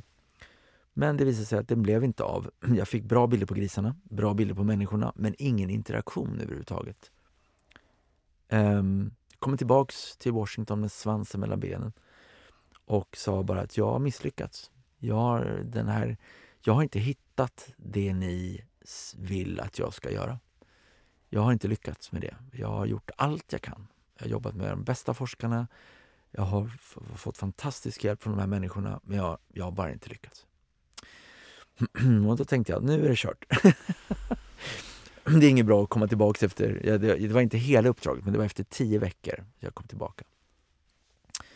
Eh, och då sa de, vilket jag blev väldigt glad för, de sa så här, ja men nu sätter vi oss ner och pratar om det här för att om du inte lyckas, som har varit på Borneo så väldigt mycket och är rutinerad när det gäller regnskogsfotografering och, och då, då, då, är det något fel. Det, så det måste finnas någon, det, förklaringen måste ju vara, och då sa jag, ja men förklaringen är att skogen är så fragmenterad, den är så skadad det här är liksom en av de största ekologiska katastroferna i mänsklighetens historia. 75 procent av låglandsregnskogen på Borneo, som är världens tredje största ö, är borta. 75 procent är borta. Då sa de, herregud, det är en mycket viktigare story. Ja, sa jag. Det håller jag med om. Det är en mycket viktigare story. Så då fick, från ett total, total katastrof så växte det till att bli min kanske viktigaste story jag fick göra för National Geographic under de här 22 åren jag var kontraktsfotograf för dem. Och det var att göra en berättelse om den illegala avverkningen, vad som händer på riktigt på Borneo med all korruption och allt som påverkar både människor och natur. Um, så att ja, det, det, det, gick åt pipan men det blev någonting bra av det till slut. Ja, det är superintressant. Vi ska komma tillbaka eh, återigen till det här just eh, när det gäller eh, miljö och hållbarhet och den här, den här typen av, av grejer som sker på många platser på jorden. Men jag är fortfarande lite nyfiken på, när du väl ligger i det där gömslet någonstans där, rätt mm. många meter upp i, i, i träkronan eller, eller vad det nu är, eller om du är på Antarktis, det är svinkallt och sådär. Mm någonstans så blir det, måste det bli en ganska häftig strapats. Mm. Alltså eh, som både fysiskt och psykiskt på, påverkar dig på något sätt. Eh, man, man, kan tänka mig att du blir blöt och det blir mm. kall och alla möjliga sådana här grejer. Hur, hur står man emot det i förhållande till det uppdraget man har? Det är klart att man kan vara kall och, och och, och, eller varm. eller, eller eh, det kan vara obekvämt som 17. Alltså det, det, är ofta ganska obekvämt om man ska uppriktig. Mm, det är inte så att man har valt det här jobbet för att det är speciellt det, kan, det är inte speciellt flärdfullt i fält utan det är ju ganska, eh, eller väldigt enkelt och väldigt mycket hårt arbete, fysiskt krävande eh, och så. Men jag tror att det är som alla, alla jobb, eller alla passioner. Att om man älskar det och är liksom tillräckligt besatt, vilket jag nog är, då har man ju en tendens att glömma de här sakerna som är att alla, den här typen av basala behov. Som att man är hungrig eller kissnödig eller att det är helvetiskt obekvämt eller att man, man sitter på något fasansfullt sätt som gör att man egentligen pajar ryggen eller alltså, vad det nu är. Det är mycket, mycket lättare att stå ut, menar jag. Om det är någonting som man verkligen, verkligen, verkligen älskar. Alltså jag tror att det, och för mig är det i alla fall så. Eh, sen ligger det inget självändamål i att lida. Så jag med, framförallt med åren blivit mycket, mycket bättre på att lyssna på min kropp eh, och vara rädd om mig själv så att jag ska hålla längre. Jag menar, I början när jag var så 20 år och jag kommer ihåg att jag var i Amazonas och jag hade inte rätt bergsklättringsutrustning med mig så jag kunde liksom egentligen inte säkra mig på ett adekvat sätt uppe i de stora kapockträden. Så jag klättrade runt där uppe i, i liksom regnskogstakkronan på 55 meters höjd osäkrad. Och det är ju liksom idiotiskt. Va? Du, så ramlar du ner, dör, du dör ju direkt. Va? Det är sannolikt. Så att jag har gjort liksom, rätt spåniga grejer när jag var ung. För att jag var så himla liksom, driven och, och, och, entusiastisk och lite fartblind på något sätt i att jag, jag måste få de här bilderna och herregud, det är bara att hålla sig fast. Det är bara, herregud, jag är stark, jag håller, håller, jag håller i mig liksom. Det är bara det att det, det, sen kan olyckan vara framme och sen är det slut med det roliga. Va? Så att, idag jobbar jag aldrig så. Utan jag är superförsiktig och så att säga professionell i mitt sätt att jobba. Då blir man lite nyfiken så här, vad är det jävligaste du har varit med om? Um, det är ganska mycket som har varit ganska jävligt. Jag vet inte var jag ska börja. Ja, men ta några exempel så vi får en känsla. Ja, men det, ja, men det jävligaste det är väl egentligen när saker eh, går som man inte har tänkt eh, sig. Alltså när man av olika så, anledningar gör misstag, till exempel. Eh, det är det som kan leda till liksom, olika typer av katastrofer eller död i värsta fall. Um, och sjukdomar är ju jobbigt alltså. Så är det ju. Jag, menar, jag kommer ihåg jag, 1990 i Nigeria fick jag en, en eh, falciparum, hjärnmalaria. Eh, som höll på att ta livet av mig. Och det är ju länge sedan nu, 1990. Men jag var ju alltså, jättedålig verkligen. Och de räddade mig. Jag hade sån tur så jag hem till Uppsala och de vände det på Akademiska sjukhuset på infektionsavdelningen där. Men det var nära verkligen. Och jag var ju sjuk länge efter och sådär. Så att eh, jag har en väldig respekt för det där. Eh, och jag har haft andra typer av sjukdomar också. Så att, eh, tropiska sjukdomar, denguefeber, eh, andra former av malaria, tyfoid, salmonella och massa konstiga små parasiter och skit. Eller på så. Jag kommer ihåg, jag, aktierna steg ju hemma hos mina barn när, jag var, när de var små för att jag hade en, en subkutan eh, mask, en liten ett gäng maskar som kryper precis under huden. Så man ser dem, de av, man ser liksom siluetten av dem på något sätt liksom, när de kryper runt. Och, och de, kan vara, de brukar liksom samlas i, i fötterna eh, och då blir de som små klumpar av mask. Och då kan, kan man knacka på den där lilla klumpen då rör den sig sådär va, som maskar gör under huden. Och det var ju ganska äckligt va, kan man tycka. Och först sa de på infektion att de där ska vi ta bort en, en och en. Men så visade det sig att jag hade fått så många av de där att de sa att vi, vi vet inte om vi tar en, de kanske lagt ägg överallt i dig så att vi måste nog ge dig ett gift istället som du får käka så att vi dödar dem. Men innan det hände då brukade mina barn säga till sina kompisar så här, nu ska få se något jätteäckligt. Pappa är jätte, jätteäcklig. Kom ska ni få se. Och så pappa, pappa, av med skorna, av med strumporna. och sen bara, på och så knacka på den där lilla bollen va? och så började den röra sig och barnen skrek rakt ut. Det var så svinäckligt. Men det var, då var jag populär verkligen en period där. Jag kommer ihåg att då, de tyckte att det var lite spännande ändå. Pappa, pappa har äckliga maskar.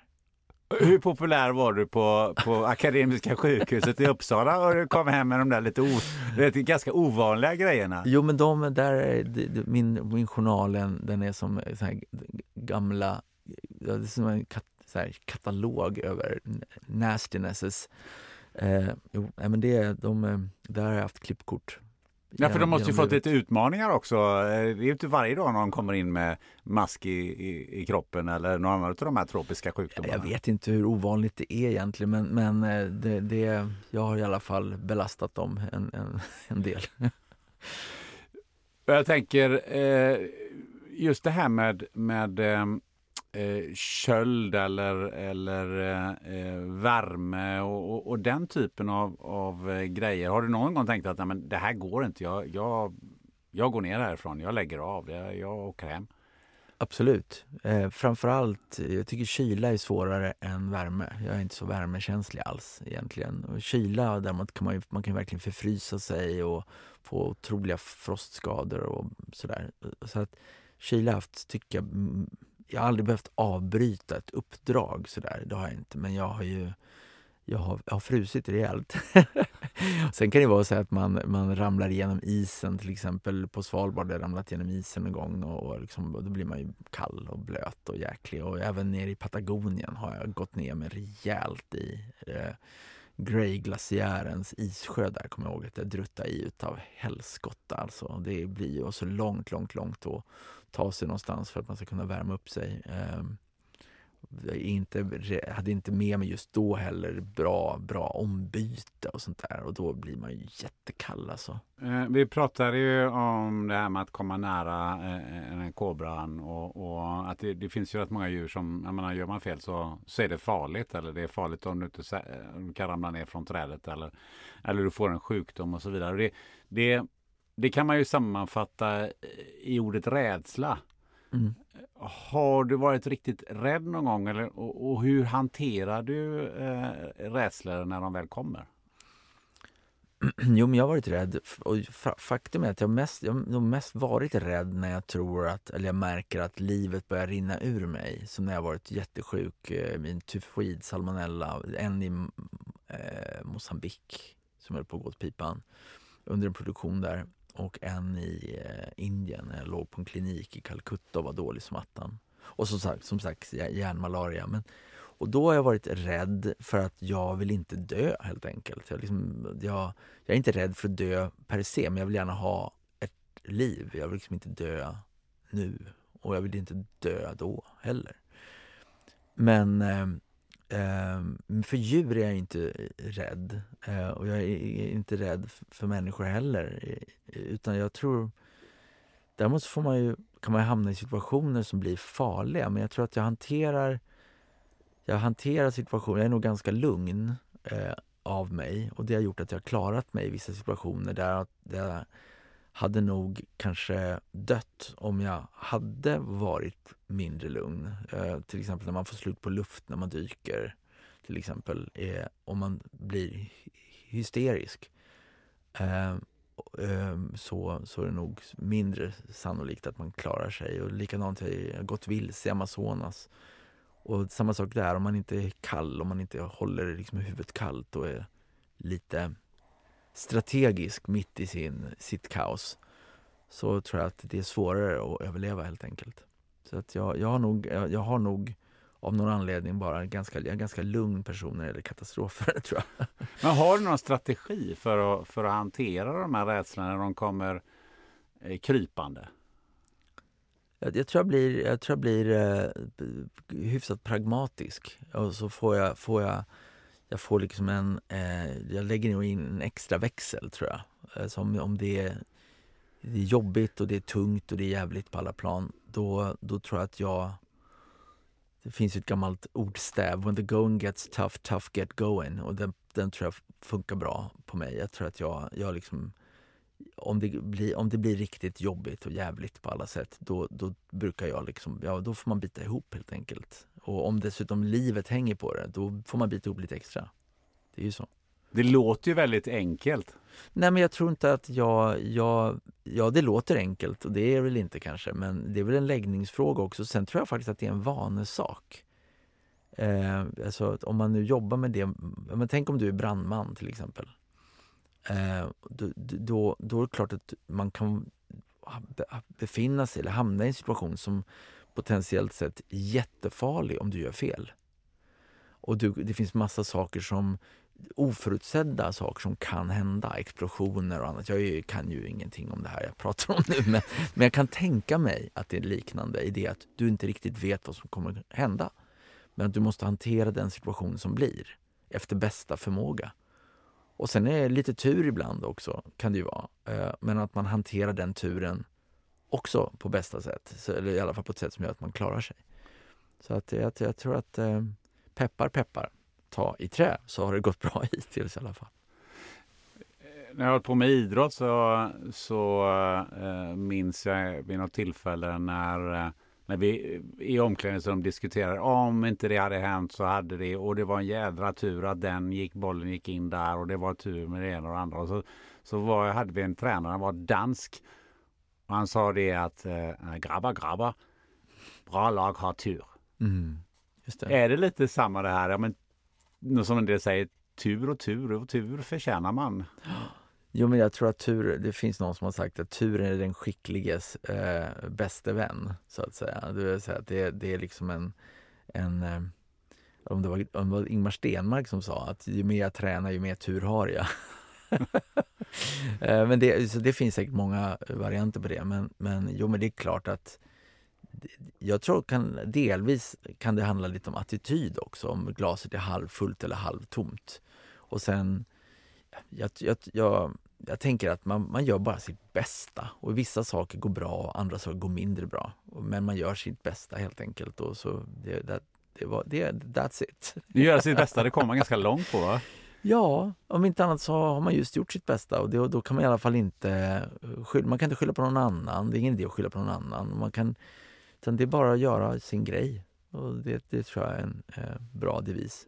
Jag funderar på en grej um, som du möjligen redan har svarat på, men jag testar ändå. Uh, det är det här man pratar om när man har sitt why. Varför? Mm. Varför gör man en viss sak? Och, och du har ju liksom just eh, berättat om din fascination över att från blåsippan till till eh, att, att, att ta bilder på de eh, orangutangerna eller vad det, de här djuren och, och, även människorna då. Men på ett lite högre plan har du funderat på varför håller jag på med det här egentligen? Jo, men det jag funderar på eh, då och då. Um, och det för mig, det är inte en, det är inte samma sak som det var. Det finns, det finns eh, ingredienser kvar. Det finns så att säga delar av min pojkdröm lever jag ju fortfarande. Det vill säga att jag är fortfarande berörd av saker jag ser och så försöker jag fånga det med min kamera eller med min... Med, ja, på, på något sätt. Men då, eh, när jag var 12-13 år och lånade min pappas kamera i Dalarna då var jag ju, eh, hade jag inte de referenser jag har idag. Jag hade inte den, den, erfarenhet, jag hade inte läst eller upplevt eller så, det jag har gjort idag. Så att det där är ju en, en, någon sorts metamorfos jag tror ah, man går igenom i sitt liv där man färgas av allt man, man ser och hör och, och upplever och lär sig.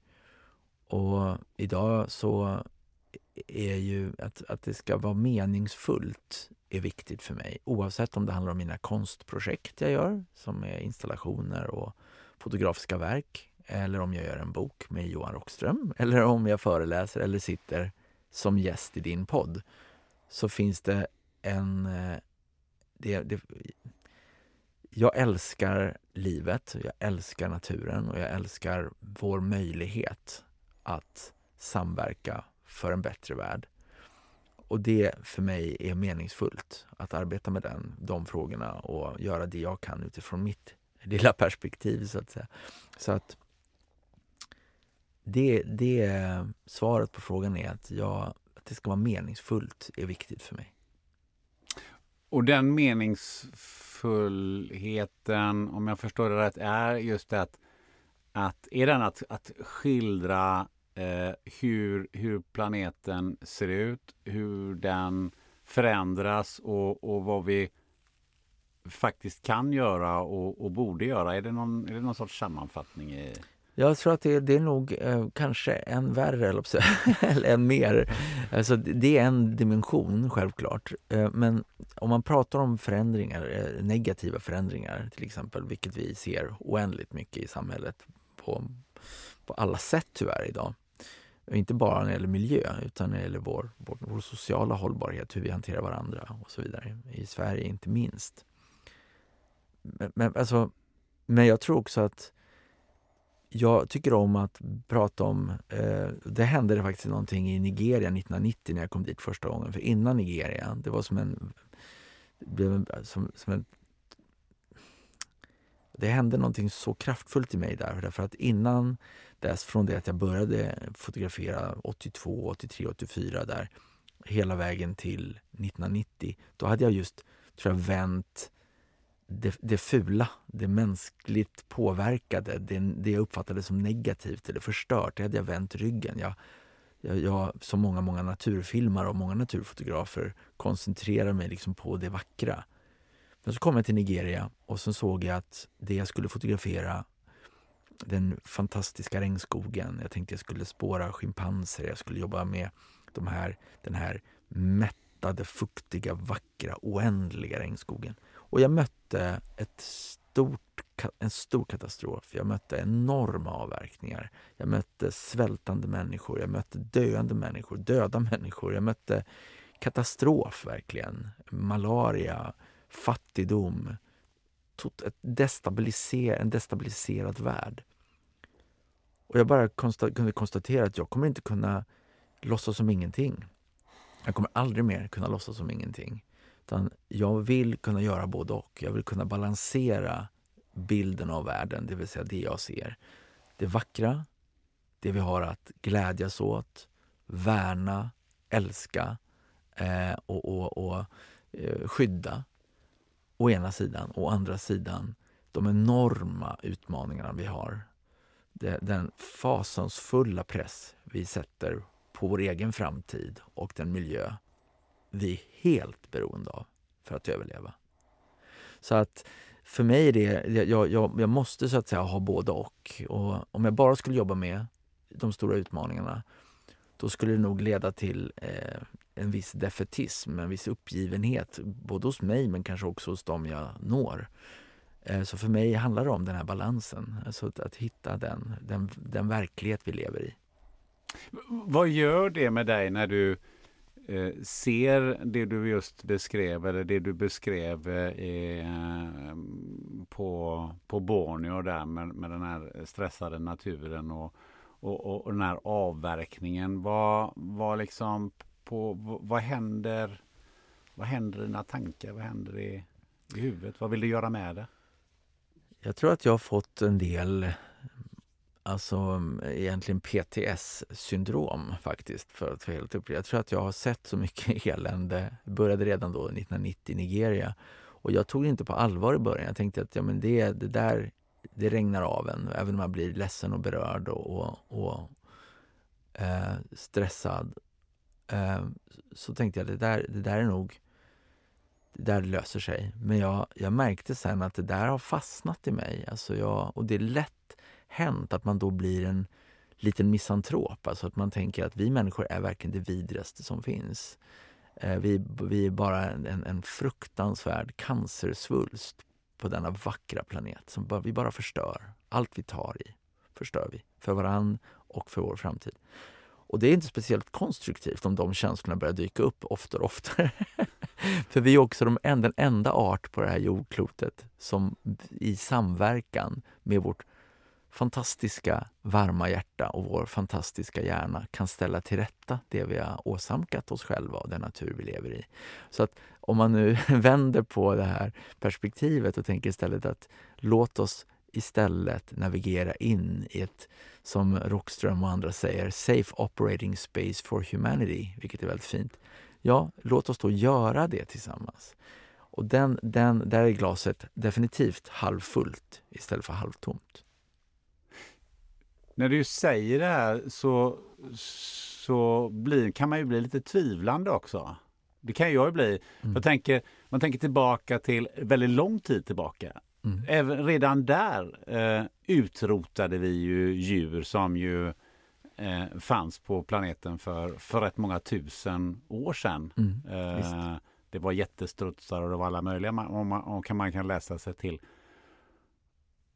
Och då blir man lite så här, ja, men, finns det inte något destruktivt i oss människor som nu har lett fram till där vi är idag? Och hur ska vi vända det?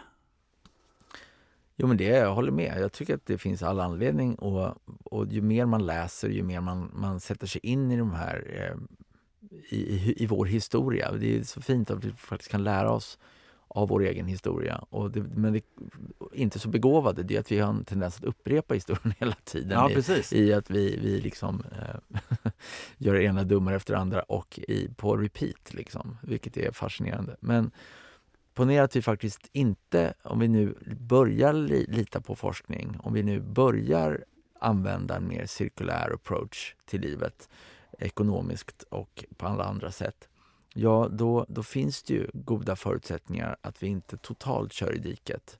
Utan, men, men det kräver ju att vi just eh, förstår vår historia, nutid och framtid och att vi tar den på allvar. Eh, och det, det finns en destruktiv kraft men det finns också, vi har också enats om saker som är oerhört viktiga ibland. Och genom den samverkan, genom den, den kraften så har vi också fattat kloka beslut. Till exempel när det gäller eh, ozonproblematiken till exempel, där vi som världssamfund enades och lyckades vända en otroligt besvärande och farlig trend. Eh, så, så, att vi, vi kan när vi vill eller måste. Och det, grejen är den bara att vi måste förstå att vi måste nu. Vi måste fixa vissa saker.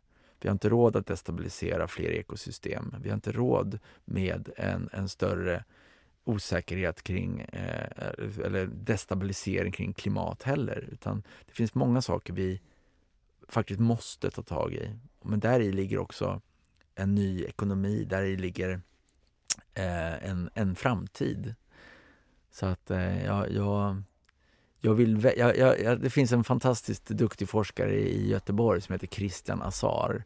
Som, eh, han brukar säga att han är en possibilist. Han tror på the possibility, liksom. inte att han är pessimist eller optimist utan possibilist. Och jag vill verkligen rätta in mig i det ledet. Jag är en, absolut en possibilist.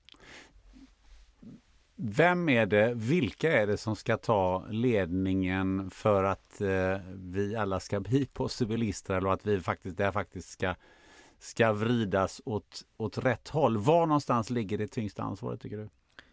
Jag tror att det är ett kollektivt ansvar som vi har i världen och självklart så, så är det otroligt viktigt att, de, att vi har politiska styrmedel och processer som gör att vi kan eh, accelerera i rätt riktning. Så ser det ju inte ut nu. Eh, och det gör att man kan ju då tänka sig att det hamnar väldigt mycket på, våra, på individens axlar. Men jag skulle vilja påstå att eh, politiker, näringslivsmänniskor, lärare, fotografer, poddare, alla, vi alla individer. Så utifrån det perspektivet så är det ganska sunt att vi ser att vi kan ha en det, det, det är en superdemokratisk process som behövs för att ställa till rätta eh, våra, våra system och, och, respektera och värna den värld och den framtid vi, vi förhoppningsvis delar. Så att, eh, men jag tror att vi, vi eh, måste vara kloka i hur vi väljer våra, våra ledare. Vi måste eh, förstå att det är en USP en konkurrensfördel för oss alla individuellt och som företagare och som personer att hitta smartare, mer hållbara, mer cirkulära processer. Och det, det behöver man inte vara speciellt eh, begåvad för att inse. Men ju mer man läser om det, ju mer man sätter sig in i det, desto tydligare blir det att så är fallet. Och det är ingen uppoffring. Det är fantastiskt att kunna bidra till en framtid för kommande generationer. Det är en makalös resa. En superdemokratisk processor, då blir man ju lite nervös med tanke på att demokratin är på väg eller är på tillbakagång i många, i, i många samhällen. Jag menar inte att den behöver vara politiskt demokratisk nödvändigtvis. Eh, men jag menar att om man kollektivt förstår frågan, eh, att det, är en värld, det krävs en världsrörelse tror jag. Vilket vi är på väg mot eh, på vissa sätt. Därför att vi, om man nu ska se någonting positivt med sociala medier och att vi är uppkopplade mot varandra mer än någonsin i världen. Så å ena sidan kan man säga att det är, det är en, en jätteutmaning eh, för att det sprids så mycket eh, saker som kanske inte, som inte är förtjänstfulla. Men vi, om vi skulle vara smarta, om vi skulle göra någonting vettigt av det här, då vi också, har vi en helt annan möjlighet att utbilda oss, att eh, ska vi säga, hitta en global rörelse där vi förstår att enough is enough. Nu måste vi navigera i en bättre riktning och det finns så många så många positiva exempel på att det här sker. Men det sker för långsamt, i för liten skala och det är framförallt inte riktigt med stöd av sittande politiker, till exempel i Sverige. Utan man hanterar de här frågorna styvmoderligt eh, och utan att sätta på sig ledartröjan och cykla utav helvete i rätt riktning. Utan jag, jag, jag tror att det krävs att vi gör det. Och jag, då kan man säga så här, jag träffade någon häromdagen som sa att men vadå, du, du är så kritisk mot Sverige. Och jag sa att nej, jag tycker inte att jag är kritisk mot Sverige. Jag tycker att Sverige är ett fantastiskt land på många sätt. Men jag är kritisk mot att vi inte använder vår konkurrensfördel vi har. Vi har ett sånt enormt gott rykte. Vår PR-avdelning är lysande. Vi, vi, var man än reser i världen och säger att du är från Sverige, oj, grattis, vad fint, vilket bra land du lever i. Men vi lever inte riktigt upp till det idag och det, det stör mig. Vi är inte sämst i klass men vi är absolut inte bäst heller.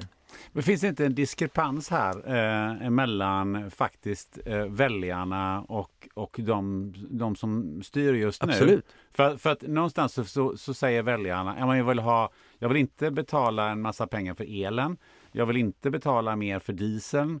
Uh, och, och, säkert en massa andra saker. Och det här är ju, inskränker ju på min, min standard och, och du måste förstå att jag ska, jag ska faktiskt åka till jobbet och men alla de här mm. grejerna. Mm.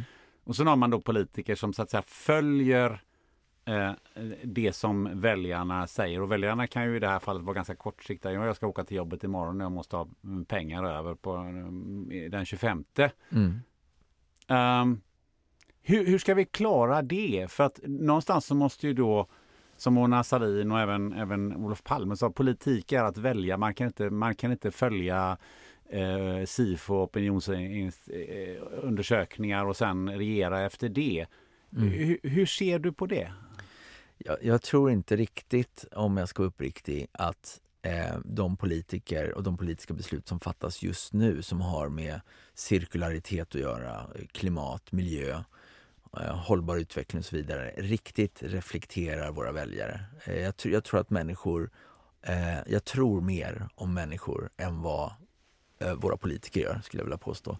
Jag tror att de flesta av oss förstår att vi inte har råd att förstöra vår planet mer än vad, vad vi faktiskt nu gör, höll på att säga. Utan vi måste bromsa den utvecklingen. Och jag tror att det är vi, om vi börjar subventionera fossila bränslen och vi eh, tar bort skogsskydd. Vi skjuter fler rovdjur än alla andra europeiska länder.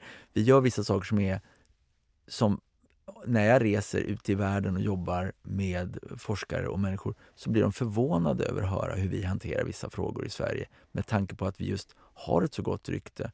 Vi har resurser, vi har råd att göra rätt. Så att jag, jag eh, ställer mig frågande. Jag tror att vi, vi skulle kunna vara eh, klokare, vi skulle kunna vara ett föregångsland, ett föredöme i, i, i många frågor. Och jag tycker nog att vi har gjort en liten kräftgång på sista tiden här när det gäller vissa frågor som rör inte minst våra miljösatsningar. Man ska komma ihåg att vi, det är lite ovanligt att lägga ner ett miljödepartement Eh, och, och, och sen eh, att det ska dras via ett näringsdepartement. Eh, miljösatsningar och miljöklokskap och miljöimplementeringar bör ligga departementsöverskridande därför det är en hygienfråga. Och den, den vetskapen, den mognaden har tyvärr inte riktigt infunnit sig. Och jag tycker det är jätteförvånande. För jag kan bli, jag är också positivist som du eh, säger gärna och jag tycker att den, den, den, här frågan borde vi kunna lösa. Men samtidigt så, så har i alla fall hos mig infunnit sig ett viss, viss negativism. Ehm, um, dels med det du säger. Um, om vi tar förra året så jag tror att vi skickade eh, 23 miljoner eh, returpaket eh, i e-handeln i bara i Sverige mm. på ett år. Och de mm. gick ju inte raka vägen mellan Göteborg och Växjö eller Borås eller vad det nu bolaget sitter. Det har ju gärna gått via Lettland, eh, eh, Bulgarien och sen mm. kanske någon annanstans i den mån det har kommit tillbaka. Um, och då blir jag så här, ja men okej, okay, men vem är det som orsakar de här 23 miljoner returerna? Ja, men det är faktiskt inte våra politiker. Mm. Uh, utan det är faktiskt massa människor som, som har suttit och handlat tre utav en och, och skickat tillbaka två. Mm. Uh, ja, då har du helt rätt i. Och, och, och, då blir man lite så här, ja men skiter inte folk i det här eller förstår de inte sammanhanget? Jag har en känsla av att det kan vara både och. Alltså, vi, vi, vissa människor skiter bevisligen i det och tänker att det spelar ingen roll eller jag orkar inte bry mig.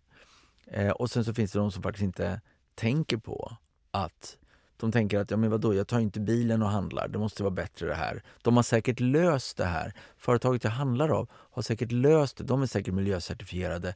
De har säkert ekobränslen. De har säkert... Och så det, det, det, det, liksom, det, det, finns ett uttryck att assumption is the mother of all fuck-ups.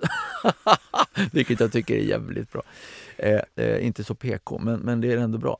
Och jag tänker att vi assumar väldigt mycket. Vi tar saker lite för givet och vi, vi, vi jag tror att om man gör en liten livsrevision eh, och tänker hur ska jag personligen som företagare eller som individ, privat också, göra mindre skada?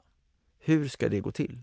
Hur ska jag vara, leva hälsosammare, bättre, lägre klimatavtryck? Hur ska jag inte konsumera ihjäl kultur eller miljöer eller djur någon annanstans? Och hur ska jag se till att jag håller min, min egen lilla organism, min kropp, så happy som möjligt och så sund som möjligt. Om man går igenom den lilla, lilla revisionen, då kommer man ganska snabbt finna att vänta nu, jag kommer kunna vara sundare, spara pengar, ha ett sundare liv, göra ett, göra ett lättare avtryck på Moder Jord och så vidare. Men det kräver liksom att man läser på lite grann, att man gör sin lilla, lilla studie. Och då kan man också komma på att vänta nu, jag kanske inte ska handla på det sättet. Jag kanske inte behöver konsumera på det sättet. Jag kanske inte ska äta rött kött fem dagar i veckan. Och så vidare. Och så vidare. Man, vissa sådana grejer bara kommer dimpa ner som, som positiva små utropstecken.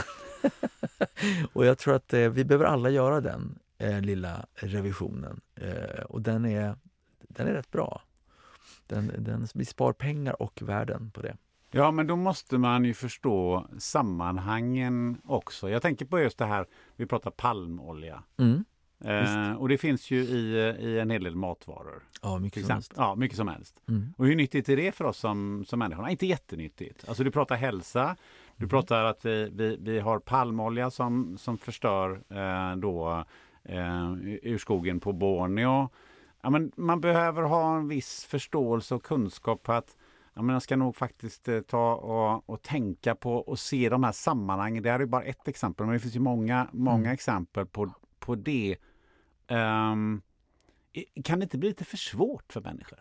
Jo, det tror jag. Jag tror att det har blivit, det har blivit svårt och det gör att det kan infinnas en viss uppgivenhet. Man tänker så här att ja, men jag orkar inte med det här. Ska jag behöva vara disputerad för att gå och handla på ICA? Liksom? Ska jag behöva läsa på för att laga lunch? Alltså det kan ju bli, det kan ju bli, kännas absurt och därför så är det ju så att vi med all rätt tycker jag kan sätta en viss press på eh, dagligvaruhandeln till exempel. Man måste kunna lita på att man inte förstör planeten genom att gå och handla eh, på, på Coop, Ica eller Willys eller var man nu går någonstans. Man, det, det, vore, det vore så fint om det var så. För att det blir svårare och svårare att vara konsument. Men jag tror att värdena måste mötas lite grann. Å ena sidan så måste man själv vara lite insatt. Å andra sidan så tycker jag att man kan ställa krav på den butik och på dem där man handlar. Eh, och det, det, det gör i alla fall jag. Nej, det, det är samma sak, man kan fundera på varför kostar t-shirten 49,90? Hur kan en t-shirt som är tillverkad i Indien eller mm. Bangladesh eller vad det nu är för någonting. Hur kan den genom att passera alla de här leden, hur kan den kosta 49,90? Mm. Det, det, är ju någonstans som sitter, någon måste sitta med Svarte Petter. Mm. Alltså, eh, men alltså, det... den, moder, alltså så här, planeten är, sitter med Svarte Petter. Det, det är liksom det, den stora, stora förloraren är, är planeten. Men, det, men om man vrider och vänder på det en stund så kommer man fram till att det är faktiskt så att planeten klarar sig alltid i någon, i någon form. Så att de som verkligen, verkligen sitter med Svarte Petter, det är du och jag och alla andra invånare på planeten jorden. Vi människor sitter med Svarte Petter för vi sågar av den gren vi sitter på. Så att vi, vi liksom, för man kan, jag kommer ihåg jag satt i ett möte med en fantastisk, det här är avancerad namedropping, men jag satt, jag satt med Elinor Ostrom som var nobelpristagare i eh, ekonomi, fantastisk kvinna som gick bort för några år sedan. Vi satt och, och fikade, jag hade turen att få lära känna henne lite grann. Och då skulle hon sitta en hon, skulle, hon hade glömt bort att hon skulle vara med i en intervju. Så det kom en journalist och slog sig ner vid oss, vid, vid vårt bord. Och så ställde han en fråga så här, vilket, vad, är det, vad är det viktigaste, eller vad är det vi behöver göra för att, the one thing vi måste göra, det är en sak som vi behöver göra för att rädda planeten. Då tänkte hon en, några sekunder och så sa hon så här, well, alltså det är inte planeten som behöver räddas, det är vi. Så. Och det, det, jag tror att det, det är väldigt klokt att tänka så därför att vi Självklart så när vi destabiliserar vår planet, när vi, vi eh, producerar till exempel en t-shirt för 49,90 så är det klart att det finns eh, mänskliga förlorare, det finns barnarbete, det finns allt möjligt. Vi, vi ödslar oändligt mycket av det vatten som vi ska vara så rädda om. Eh, men till syvende och sist så är det så att i någon form kommer planeten klara sig, men vi människor gör det dyrare och dyrare och svårare och svårare att leva hälsosamma, vettiga liv på det sätt vi agerar. Vi ska, vi ska börja avrunda det här. Det har mm. varit superintressant att, att prata med dig och jag tycker att vi hänger kvar i eh, i, i det här med planeten och mänskligheten och, och, och så vidare. Eh, jag såg en, eh, en intervju med dig och Johan Rockström i, det var någon morgonsoffa för mm. typ det kan ha varit en 6-7 år sedan ungefär. Mm. Jag tror att det var när du kommit ut med den här boken One... Uh, ja, Big World Small Planet. Ja, just det, precis. Mm. Um, och då, då, då vet jag att Johan Rockström sa någonting i, i klass med men vi har sådana möjligheter. Men vi har, ja, men vi har ett 10-15 år på oss nu och det kan bli fantastiskt och vi är så här. Och då tänkte jag så här, okej. Okay, eh, om vi säger att det här var 20 det kan ha varit 2015 eller 2016 någonting åt det mm. hållet. Men en, en, säg att det är en 6-7 år sedan någonting sånt där. Mm. Då tänker jag så här, okej. Okay, eh, då har vi möjligtvis sju år till då. Från det att han sa det. Mm. Från när vi sitter här idag. Mm. Och då tänker jag så här, ställa frågan till dig. Vad, vad, var är vi om en 6-7 år, tror du? Ja, det är jättesvårt. Eh, det, det, dels är jag inte klimatforskare eh, som Johan är eh, och hållbarhetsexpert. Men, men jag kan ju säga att jag, som det nu ser ut, så vi, det kan inte undgå någon med alla översvämningar och all torka och all, alla problem vi faktiskt just nu har som, som plågar människor och världen så är det klart att om det fortsätter att accelerera i den här, i den här eh, om vi säger att den här kurvan fortsätter så ser det ju inte så bra ut. Och jag tror att jag tycker det är så otroligt viktigt att vi någonstans försöker hitta eh, mening med det här. Alltså meningen med hur vi, eller så att man hittar sin sitt rum i sitt hjärta där man kan tänka och, och formulera för sig själv. Varför ska jag engagera mig i det här? Varför ska just jag ta reda på vad jag kan göra? Varför ska just jag eh, tro på min och mina barns och deras barns framtid? Att man, man ställer sig den frågan. Att man inte man, man, man, man så att säga, tar inte avstånd eller säger att ah, det är för jobbigt. Utan man ägnar sig, sig man, man, man, man unnar sig den reflektionen. Man tar sig själv på så pass stort allvar att man tar den frågan på, på riktigt och på allvar. För då kommer man vilja komma fram till, tror jag, att man vill att kommande generationer ska ha en fin planet.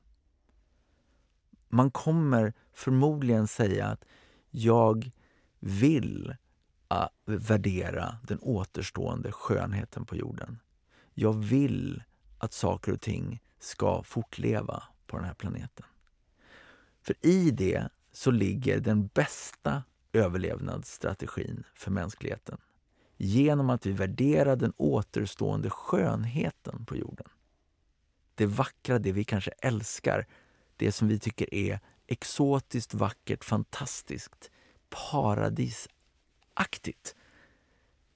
Klarar vi av att ha kvar det, tillräckligt mycket av det, där i ligger stabilitet, klimatstabilitet, resiliens, syre, kolsänkor.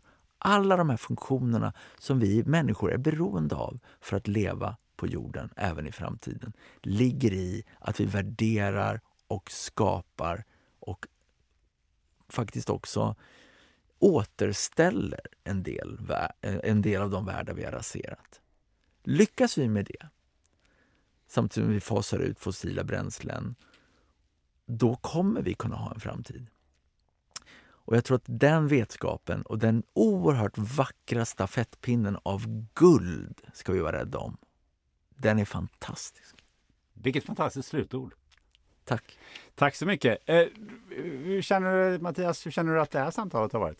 Jätte, jättebra tycker jag. tycker det är härligt att prata med dig. Det är, det är stora ämnen, svåra frågor, eh, men för mig berörande därför att det här handlar om vår värld. Det handlar om kärlek, det handlar om passion, det handlar om oro delvis. Men om vi verkligen som sagt eh, bereder våra hjärtan eh, och, och, faktiskt tar de här frågorna på stort allvar så finns helt andra förutsättningar också att gemensamt hitta bra lösningar och det tror jag på. Du sa ordet stafettpinne av eh, guld och den ska du få lämna vidare till någon som jag gett en liten uppgift kring att vem du tycker att jag borde intervjua eh, i den här podden. Mm. Jag skulle vilja eh, föreslå Lisa Nilsson som är sångerska eh, och god vän till mig. Eh, och eh, en humorist, en, en samhälls otroligt samhällsengagerad person och ja, en bra tjej helt enkelt. Superbra, superintressant. Jag lyssnade faktiskt på henne i Annedalskyrkan i Göteborg Ja, vad kul. I våras. Mm. Mm. Så att eh, det ska vi försöka jobba på. Mm. Eh, slutligen, nu har ju många blivit intresserade och vill veta mer. Eh, det är klart att man kan hitta det precis överallt, dina bilder och så vidare. Men om man vill komma i, i kontakt med dig på ett eller annat sätt, hur, hur gör man lämpligtvis då? Ja, då kan man väl, eh, om man har Instagram, eh, då kan man gå in på Mattias Klum official. kan man göra. Eh, eller Mattias Klum Collection finns också. Och eh, vill man eh, ja, se lite mer om mig då kan man gå in på min hemsida som heter mattiasklum.com.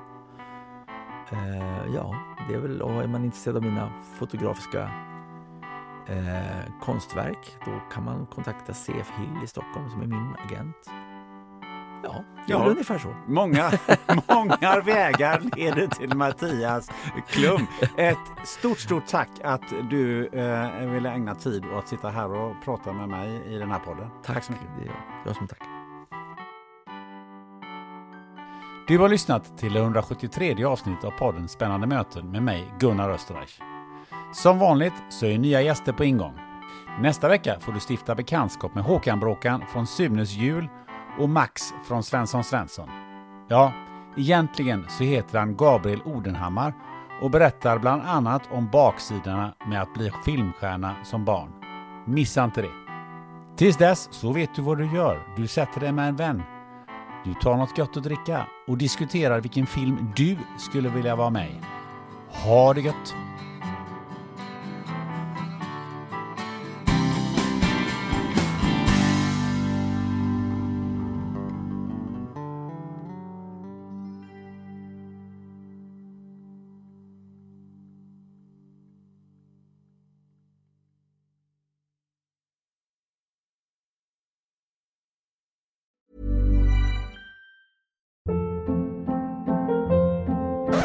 Hold up. What was that? Boring. No flavor. That was as bad as those leftovers you ate all week. Kiki Palmer here, and it's time to say hello to something fresh and guilt-free. Hello Fresh. Jazz up dinner with pecan-crusted chicken or garlic butter shrimp scampi. Now that's music to my mouth. Hello Fresh. Let's get this dinner party started. Discover all the delicious possibilities at hellofresh.com.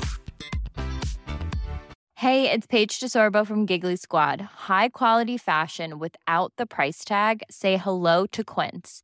I'm snagging high-end essentials like cozy cashmere sweaters, sleek leather jackets, fine jewelry, and so much more. With Quince being 50 to 80% less than similar brands.